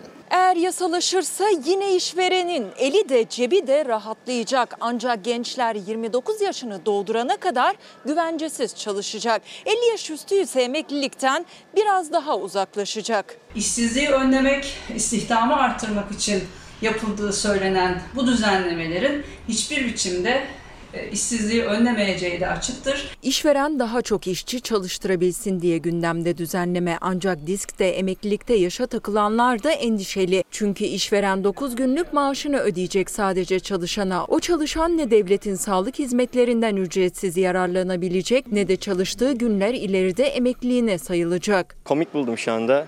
Gerçekten komik buldum. Ee, yıllarca okuyoruz, iş bulamıyoruz üstelik. Ee, böyle bir şeyle karşılaşıyoruz. Gerçekten üzüntü verici. Sigorta özellikle e, sağlık alanında gereken bir şey. Ben bir çalışansam bir işverenin bana güvence vermesi lazım. Bence yanlış bir düşünce inşallah kabul edilmez. Gençler de emekli olmadığı için çalışmak zorunda kalan 50 yaş üstü de güvencesiz çalışmak istemiyor. Üstelik düzenleme hayata geçerse sadece iş güvenceleri tehlikeye girmeyecek. Kıdem tazminatı hakkı da olmayacak. İş güvencesi ve kıdem tazminatı hakkı ortadan kalkmış olacak. Her şeyden önce eşitlik ilkesine aykırıdır, anayasaya aykırıdır. Özellikle bizler emeklilikte yaşa takılanlar, hak kaybına uğrayan kesim olarak artık yeter diyoruz. Kıdem tazminatı konusunu gündemde tutacağız ve hakkımızı, çalışanın emekçinin hakkını koruyacağız efendim. Bugün gazetelere baktığım zaman dün burada ağırlamıştık Tevfik Göksu'yu, AK Partili bir isim. Hani anketçi arkadaş tartışması vardı ya bugün Hürriyet gazetesinde Fatma Aksu imzalı bir haber var. Hürriyet'in birinci sayfasında anketçi arkadaş, internetçi arkadaş diyaloğu şeklinde bugün Hürriyet'in birinci sayfasında yer almış efendim. Konuğumu huzurlarınıza çağıracağım ama önce bir kitap Oradan döviz haberi sonra sizi bir genç kızımızla, geleceğimizle tanıştıracağım. Edirne, Doktor Ratip Kazancıgil'in kaleminden Edirne iki ciltlik kitabı geldi. Ender Bilar'a da teşekkür ediyorum. Döviz diyoruz.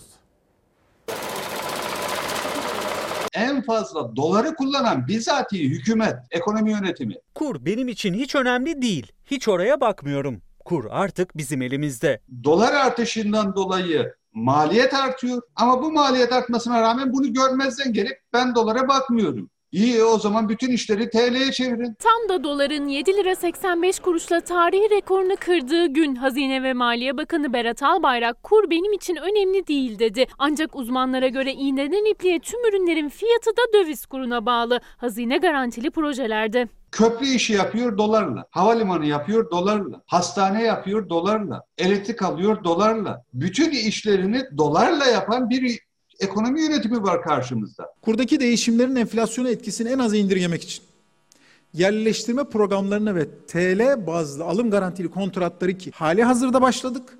Birçok bakanlık ve alanda daha da yoğunlaştırarak arttırmaya bunu devam edeceğiz.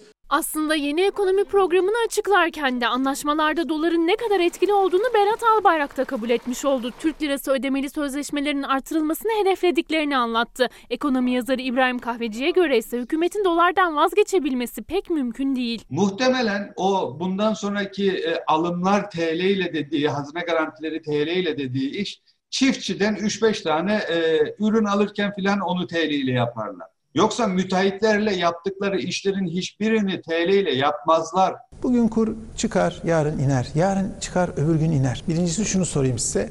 Dolarla mı maaş alıyorsunuz? Maaşlar dolarla alınmasa da Bakan Albayrak kura bakmıyorum dese de mutfak alışverişi için bile tüketicinin gözü döviz tabelasında. Çünkü dolar her arttığında olduğu gibi benzine yine 14 kuruş zam geldi. Akaryakıt fiyatları artınca nakliye maliyetleri yükseliyor. O da ürünlerin fiyatına yansıyor. Kur artışı Türkiye'de bütün ürünlerde etkisini gösteriyor. Yani tarlaya gidip e, tarladan gelen domatesi bile alırken onun üzerinde kur etkisini görüyorsunuz. Üstelik bu zincir yerli ürünler için de geçerli ama onu da bulmak artık zor. Ortalama bir marketteyiz. Bakliyat reyonuna baktığımız zaman her ürün farklı bir yerden geliyor. Örneğin pirinç Tayland'dan, fasulye ise Madagaskar'dan. E, yerli çiftçi desteklenmezse bu şekilde ithalat yapılırsa yerli çiftçi ne yapacak? Dövize talep frenlensin diye Mayıs ayında alım vergisi yükseltilmişti. Sürpriz bir geri adım geldi. Hazine ve Maliye Bakanı Berat Albayrak'ın kur artık bizim elimizde açıklamasının sabahında %1'lik vergi yeniden binde ikiye çekildi. Yeni ekonomi programına baktığımız zaman en fazla alkışlayanlar da tabiri caizse bu sanayici ve iş adamları odaları. Perde arkasında belki bir talepte bulunmuş olabilirler Ekonomi halkımızın en temel gündem maddesi ve en önemli derdi o nedenle bizim manşetlerimizde. Efendim sizi gelecekle tanıştıracağım. İki ya da iki buçuk yıldır kendisini takip ediyorum. Kendisini bana tanıştıran Selin Çarmıklı Kozak, onu, o da uzaklarda, onu da selamlıyoruz buradan. Hoş geldin Selin Gören. Hoş bulduk, nasılsınız? Nasılsınız? İyiyim, çok teşekkürler. Siz nasılsınız? Hoş geldiniz Demokrasi Hoş Meydanı'na. Hoş bulduk. Sizi tanıştırabilir miyiz halkımızla? Tabii ki. Ee, ben Selin Gören, 19 yaşındayım. Ee, üniversite 1. sınıf öğrencisiyim şu anda. Ee, bir de 2 yıldır Fridays for Future yani Gelecek için Cumalar Hareketi'nde iklim aktivistiyim. İklim aktivisti. Evet. Ee, bunun yanında dahil olduğum başka gençlik e, kuruluşları da var. Onlardan da bahsederiz zaten. Peki. Şimdi sen bana bak bundan böyle tamam mı? Önce tebrik etmek istiyorum. Çok sağ olun. Lise bitti. Gelecek yıl nerede okuyacaksınız? Ee, bu sene Yale Üniversitesi'nde okumaya Yale başladım. Üniversitesi'nde burslu olarak. Evet tam burslu. Tam burslu kazandınız. Çok tebrik ediyorum. Çok Dünyanın en iyi üniversitelerinden birisi. Teşekkür. Müthiş bir şey. Çok ilk haberi aldığımda Zeynep Hanım'dan aldım haberi. Çok sevindiğimi ifade etmek isterim. Şimdi biraz bu iklim ve iklim değişikliğinden, bizim gençlerimizin üzerine düşen görevlerden ve bu yaptığınızdan bahseder misiniz? Tabii ki. Ee, Ben Fridays for Future yani Gelecek için Cumalar Hareketi ile Mayıs 2019 yılında tanıştım. İklim acil durumu toplantısı vardı. Orada Ömer Madra ile ve bu hareketi Türkiye'de başlatan ortaokul öğrencisi Atlas Sarafoğlu ile tanıştım. Onlarla tanıştıktan sonra Ömer Madra da zaten Robert Kolej mezunu. O da dedi ki "E, Robert Kolej ne yapıyor? Robert Kolej nerede? Neden e, bu gençler bu kadar bilinçli, bu kadar eğitimli? Neden iklim krizi için bir şeyler yapmıyorsunuz dedi. Ben de dedim ki evet bir şeyler yapalım. Sonra bu hareketi Türkiye'deki liseler arasında yaygınlaştırmaya Ne yaptınız? karar Onu bir anlatın. Ee, tabii ki e, genellikle bizim en büyük organizasyonumuz grevler oluyor. Şu ana kadar 5 tane küresel iklim grevi yaptık. E, bir de 6. yaptık tabii en son 25 Eylül'de. E, onun da ana teması iklim adaleti eşittir sosyal adaletti. E, bunun da özellikle altını çizmek istedik. İklim adaleti, sosyal adalet. Evet. Ne demek? Ee, şöyle, e, bunu özellikle tema olarak belirlememiz bence bu yıl çok güzel oldu. Çünkü Amerika'da sosyal adalet konusunda e, çok büyük organizasyonlar da yapıldı bu yıl. E, ırkçılık karşıtı hareket vardı bildiğiniz gibi Amerika'da. E, bunu dememizin en büyük sebebi şu, iklim krizinden herkes etkilense de herkes eşit derecede etkilenmiyor. Hatta yok oluş isyanının bir mottosu var. E, hepimiz aynı fırtınadayız ama hepimiz aynı gemide değiliz diyor. Bu da şu demek, iklim krizi herkes etkilese de en savunmasız olan toplulukları daha çok etkiliyor. Bu yüzden aslında iklim krizine en az katkı sağlamış ve en az sebep olmuş topluluklar bundan en çok etkilenen topluluklar oluyor. Bunlar da daha çok işte tarıma dayalı veya daha savunmasız, e, şehirlerde yaşamayan insanlar oluyor. Selin mesela Türkiye'ye baktığınız zaman mesela bizim programlarda da çevre sorunları, tarım politikaları ve oradaki yaklaşımlar, sorunları biz gündeme getirmeye çalışıyoruz. Ne gözlemliyorsunuz Türkiye'de bu anlamda çevre konusunda, tarım konusunda? Şöyle bir baktığınız zaman ne hissediyor ve ne görüyorsunuz? E, Bence Türkiye'de her ne kadar bu gündeme çok fazla gelmese de çok güçlü bir iklim hareketi var. E, Ve bu sadece İstanbul, Ankara, İzmir gibi şehirlerde değil. Şu anda mesela bizim hareketimiz 22 farklı şehirde, yüzden fazla lisede aktif. İşte Adıyaman'da, Hatay'da, e, Gaziantep'te bunların hepsinde aktif bir hareketimiz var. E, Bu da bence şunu gösteriyor. Türkiye'nin her tarafından genç e, iklim hareketi için ayağa kalkıyor, aksiyon talep ediyor. Ve gerçekten aslında belki de toprakla en çok uğraşan... e, Çiftçiler örneğin gerçekten iklim krizini daha çok hissediyor ve bizden daha bile çok görüyor. Ki gerçi biz İstanbul'da bile görmeye, görmeye çoktan başladık. Geçen hafta yaşadığımız dolu örneğin bunun çok net bir örneğiydi. Ee, Daha önce Ankara'da kum fırtınası oldu örneğin. Bunlar hepsi iklim krizinin örneği. Ama dediğim gibi aslında gerçekten en çok toprakla çalışan insanlar belki bunun farkında. İşte bu yüzden de iklim adaleti sosyal adalettir e, diyoruz biz. Kimseyi geride bırakma. İklim Evet. adaleti sosyal adalettir. Evet aynen öyle kesinlikle. Çünkü e, iklim krizi sadece çevre e, sorunu olarak değerlendirilmemeli bence. Aynı zamanda bir sosyal adalet meselesi dediğim gibi. Çocuk haklarına bağlanıyor, kadın haklarına bağlanıyor. Çünkü Birleşmiş Milletler'in araştırmasına göre kadınlar iklim krizinden erkeklerden daha çok etkileniyor. Öyle mi? Evet, böyle bir araştırma da var. Çünkü aynı zamanda e, birçok kadının annelik e, annelik de yaptığı için ve özellikle daha savunmasız bölgelerde dediğim gibi tarımla geçindikleri için e, iklim göçlerini kadınlar daha fazla yaşıyor. Bu yüzden aynı zamanda kadın haklarına da bağlanan bir konu. Kesinlikle çok kompleks bir problem ve bence e, bütün e, aktivistlerin ve bu konuda bir şey yapmak isteyen herkesin birlikte çalışması gereken bir problem. Sadece ekolojik bozulma olarak düşünmemeliyiz ama tabii ki e, ekolojik yıkım bana kalırsa bunun getirdiği en büyük sorun. Şimdi şöyle bir baktığımız zaman toprağımızı, havamızı, çevremizi kirletiyoruz. Evet. İşte bu, bu konuda bir bilinç ve farkındalık geliştirmemiz gerekiyor öyle değil mi? Evet, evet. Yani e, hatta ExxonMobil Amerika'da bir şirket, fosil yakıt şirketi 1977 yılında bulmuşlar iklim krizinin e, fosil yakıtlar sebebiyle aslında ortaya çıktığını bulmuşlar. Ama fosil yakıt şirketlerine zarar gelmesin diye bu bilgiyi saklamışlar. E, ama şu anda aslında her şey e, düpedüz ortada. Yani fosil yakıtların buna sebep olduğunu biliyoruz. Bizim yapmamız gereken daha yeşil bir ekonomiye, daha sürdürülebilir bir ekonomiye geçmek. E, bu da aslında şirketlerin, e, hükümetlerin elinde bu yapılabilir ve bizim en büyük talebimiz bu aslında. Sizin bu çalışmalarınıza ben baktığım zaman böyle hani iklim bozulması, iklim değişikliği ve kız çocukları Evet. diye bir başlık gördüm. Evet. Neden? Evet o da az önce bahsettiğim gibi e, yani kız çocuklarının mesela eğitilmesi burada çok önemli. Zaten bu hareketi başlatan Greta Thunberg de bir kız çocuğuydu. Ben kız çocuklarının e, gerekli eğitimi aldıklarında, gerekli bilgiyi aldıklarında gerçekten e, çok büyük değişimler yaratabileceklerini düşünüyorum. Ve bunu, buna paralel olarak da bir tane sergimiz var. Bunu as- aslında göstermek istiyoruz. Türkiye'deki kız çocuklarının e, fotoğrafları ve yazıları olacak içinde benim de var.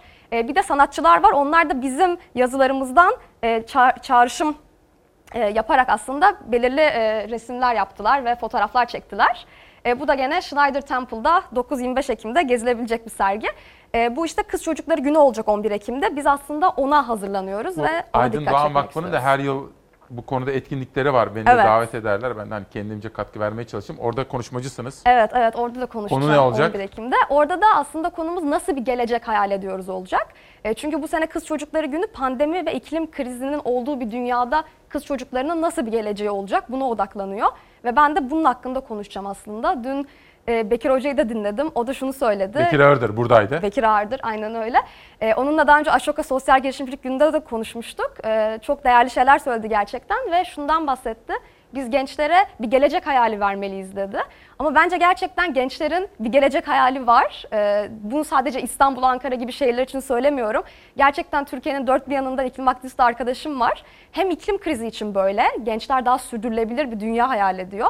Hem de e, içinde olduğum bir de mesela Gri Bölge diye bir gençlik inisiyatifi var. O da aynı şekilde. E, Orada da gençlerin büyük bir hayali olduğunu görüyoruz. Orada da çok farklı kesimden gençler geliyor ve belirli bir konu belirleyip bunun üzerine tartışıyoruz. Ve ortak bir paydada buluşmaya çalışıyoruz Peki aslında. Selin Gören çok teşekkür ediyorum. Şimdi peki tam burslu olarak Yale Üniversitesi'nde biyoloji okuyacaksınız. Evet. Sizin hayaliniz ne son olarak onu bir duymak isterim. Ne hayal ediyorsunuz ileriye baktığınızda? Ee, ileriye baktığımda ben e, gerçekten iklim krizini çözmek için elimden gelenin en iyisini yapmak istiyorum ve bana kalırsa eğer hepimiz kendi bulunduğumuz pozisyonlarda elimizden gelenin en iyisini yaparsak bu krizi gerçekten çözebiliriz. Ben şu anda sosyal olarak buna yaklaşıyorum ama ileride e, bunu bilimsel olarak da arka planını daha iyi öğrenerek bilimsel olarak da buna e, e, bu soruna çözümler Biyolojiyi geliştirmek bunun için istiyorum. istiyorsunuz. Aynen öyle kesinlikle bunun için istiyorum. Peki son olarak genç arkadaşlara ne tavsiye edelim? Sizin gibi gençlere. Ee, genç arkadaşlara şunu tavsiye ederim. Ee, gerçekten çok güçlü olduğumuzu düşünüyorum. Z jenerasyonunun e, çok belirsiz bir geleceği var ama bu belirsiz gelecekten dolayı da bence çok adaptasyonu güçlü olan bir jenerasyon. O yüzden kesinlikle e, gelecek belirsiz diye e, sıkıntı duymasınlar bence. Kesinlikle üzülmesinler. E, ellerinden gelen en iyisini yapsınlar ve biliyorum ki bütün gençlerin hayalleri var. O hayallerin peşinden gitmekten çekinmesinler Çok bence. iyi. Sizlerin de ben böyle genç arkadaşlarımızın siyasetle ve toplumsal sosyal konularla ilgilenmelerini çok önemsiyor ve destekliyorum. Çok teşekkür ederim. Selin çok teşekkür ediyorum Ben size de. teşekkür Bir ederim. saniye. Savaş bir haberimiz vardı. Toplu ulaşım ve alınan tedbirler. Tedbirler alınıyor ama bir taraftan esas önemlisi uygulama. Haberi izleyelim ben konumu uğurlayacağım.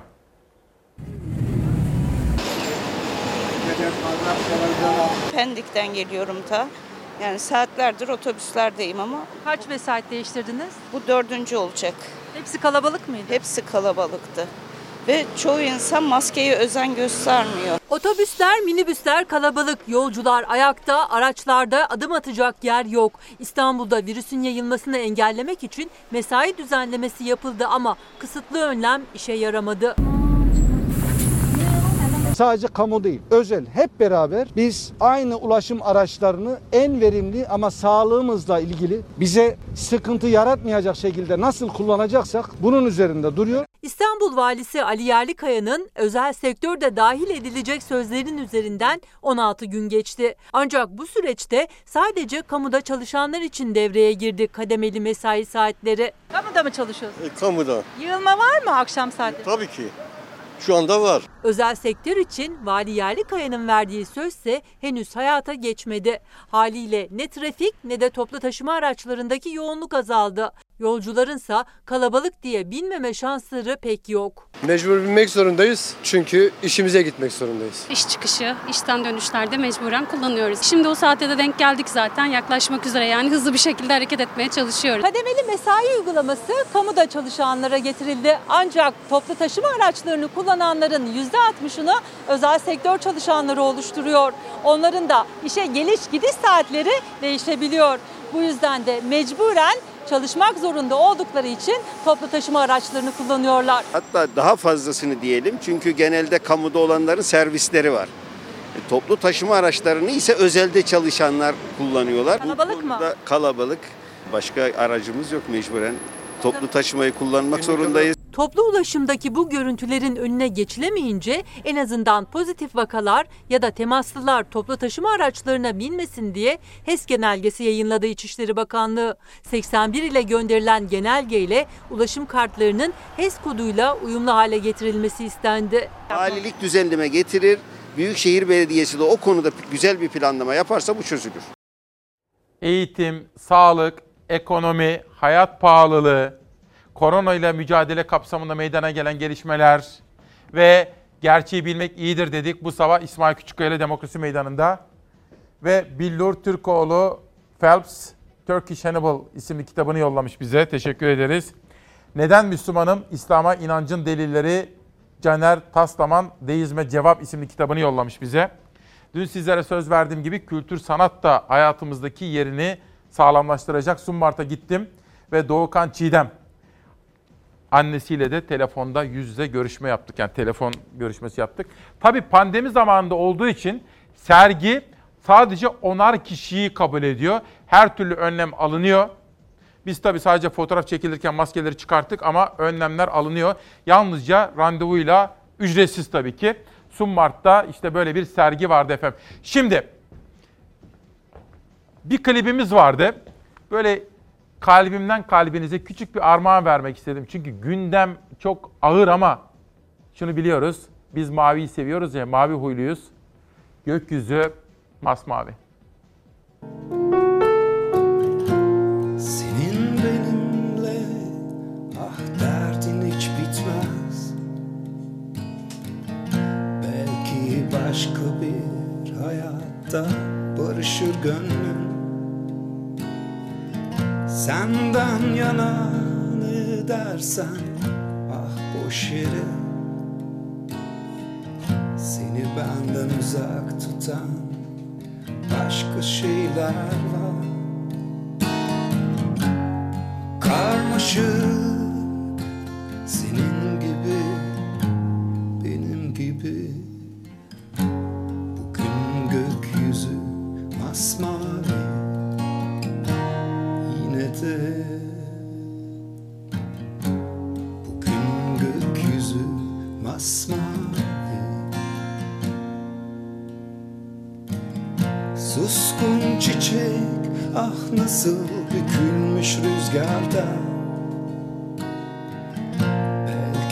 Belki açar yine bir başka bahara.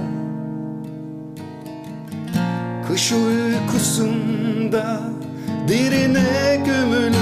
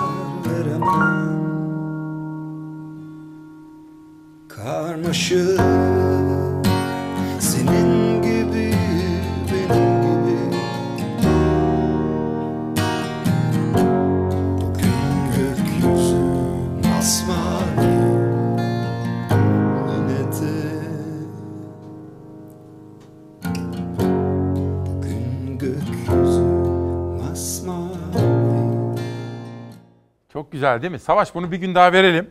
Çünkü sözlerini anlamanızı, hissetmenizi istiyorum. Anlamak değil, anlıyorsunuz da. Bugün gökyüzü masmavi. Efendim bugün de haber yaparken bana yardımcı olan arkadaşlarım Zafer Söken, Beyza Gözeyik ve Ezgi Gözegel. Editörüm Zeray Kınacı. Yönetmen erken saatlerde Hilal'di. Daha sonra Savaş Yıldız'la birlikte yönettik. Danışmanım Nihal Kemaloğlu dışarıdan bana destek verdi. Her birine ne kadar teşekkür etsem azdır. Kameralarda burada Mümin kardeşim var. Eskişehir'de biliyorsunuz. Burada da Yunus kardeşim var. O da Toroslardan biliyorsunuz kendisine. Kitaplarla kapatmak istiyorum günü. İbrahim Koser, Ötekiler, Taşeron İşçiler isimli kitabıyla çalar saatte. Dijital Çocuk Kemal Sayar ve Sezin Benli'nin yazıp da bize imzalayarak gönderdikleri bir kitap. Ve Asiyel Aysel Özmen. Bugün günün köşe yazılarına baktığım zaman Suna Kıraç ve Güner Civoğlu'nun yazısında Güner Civoğlu da bir kalp ameliyatı geçirmiş daha evvel. Fakat şimdi sağlığı son derece yerindeymiş. Ancak pandemi nedeniyle Bodrum'dan ayrılamamış onu öğreniyoruz. Tabii Hıncal Uluç bugün fikri hür, vicdanı hür üzerine bizim yeni çıkan kitabımız üzerine yazmış. Eleştirirken de ölçülü, överken de ölçülü olmamız gerektiğini bize hatırlatan Fikri Hür, Vicdan kitabı üzerinde meslek büyüğümüze de çok çok ama teşekkürler ediyorum. Efendim İsmail Küçükkaya ile Demokrasi Meydanı yarın bütün manşetler ve günün kalbiyle gökyüzü masmavi diyerek yarın sizlere günaydın diyecek. Şimdilik hoşçakalın.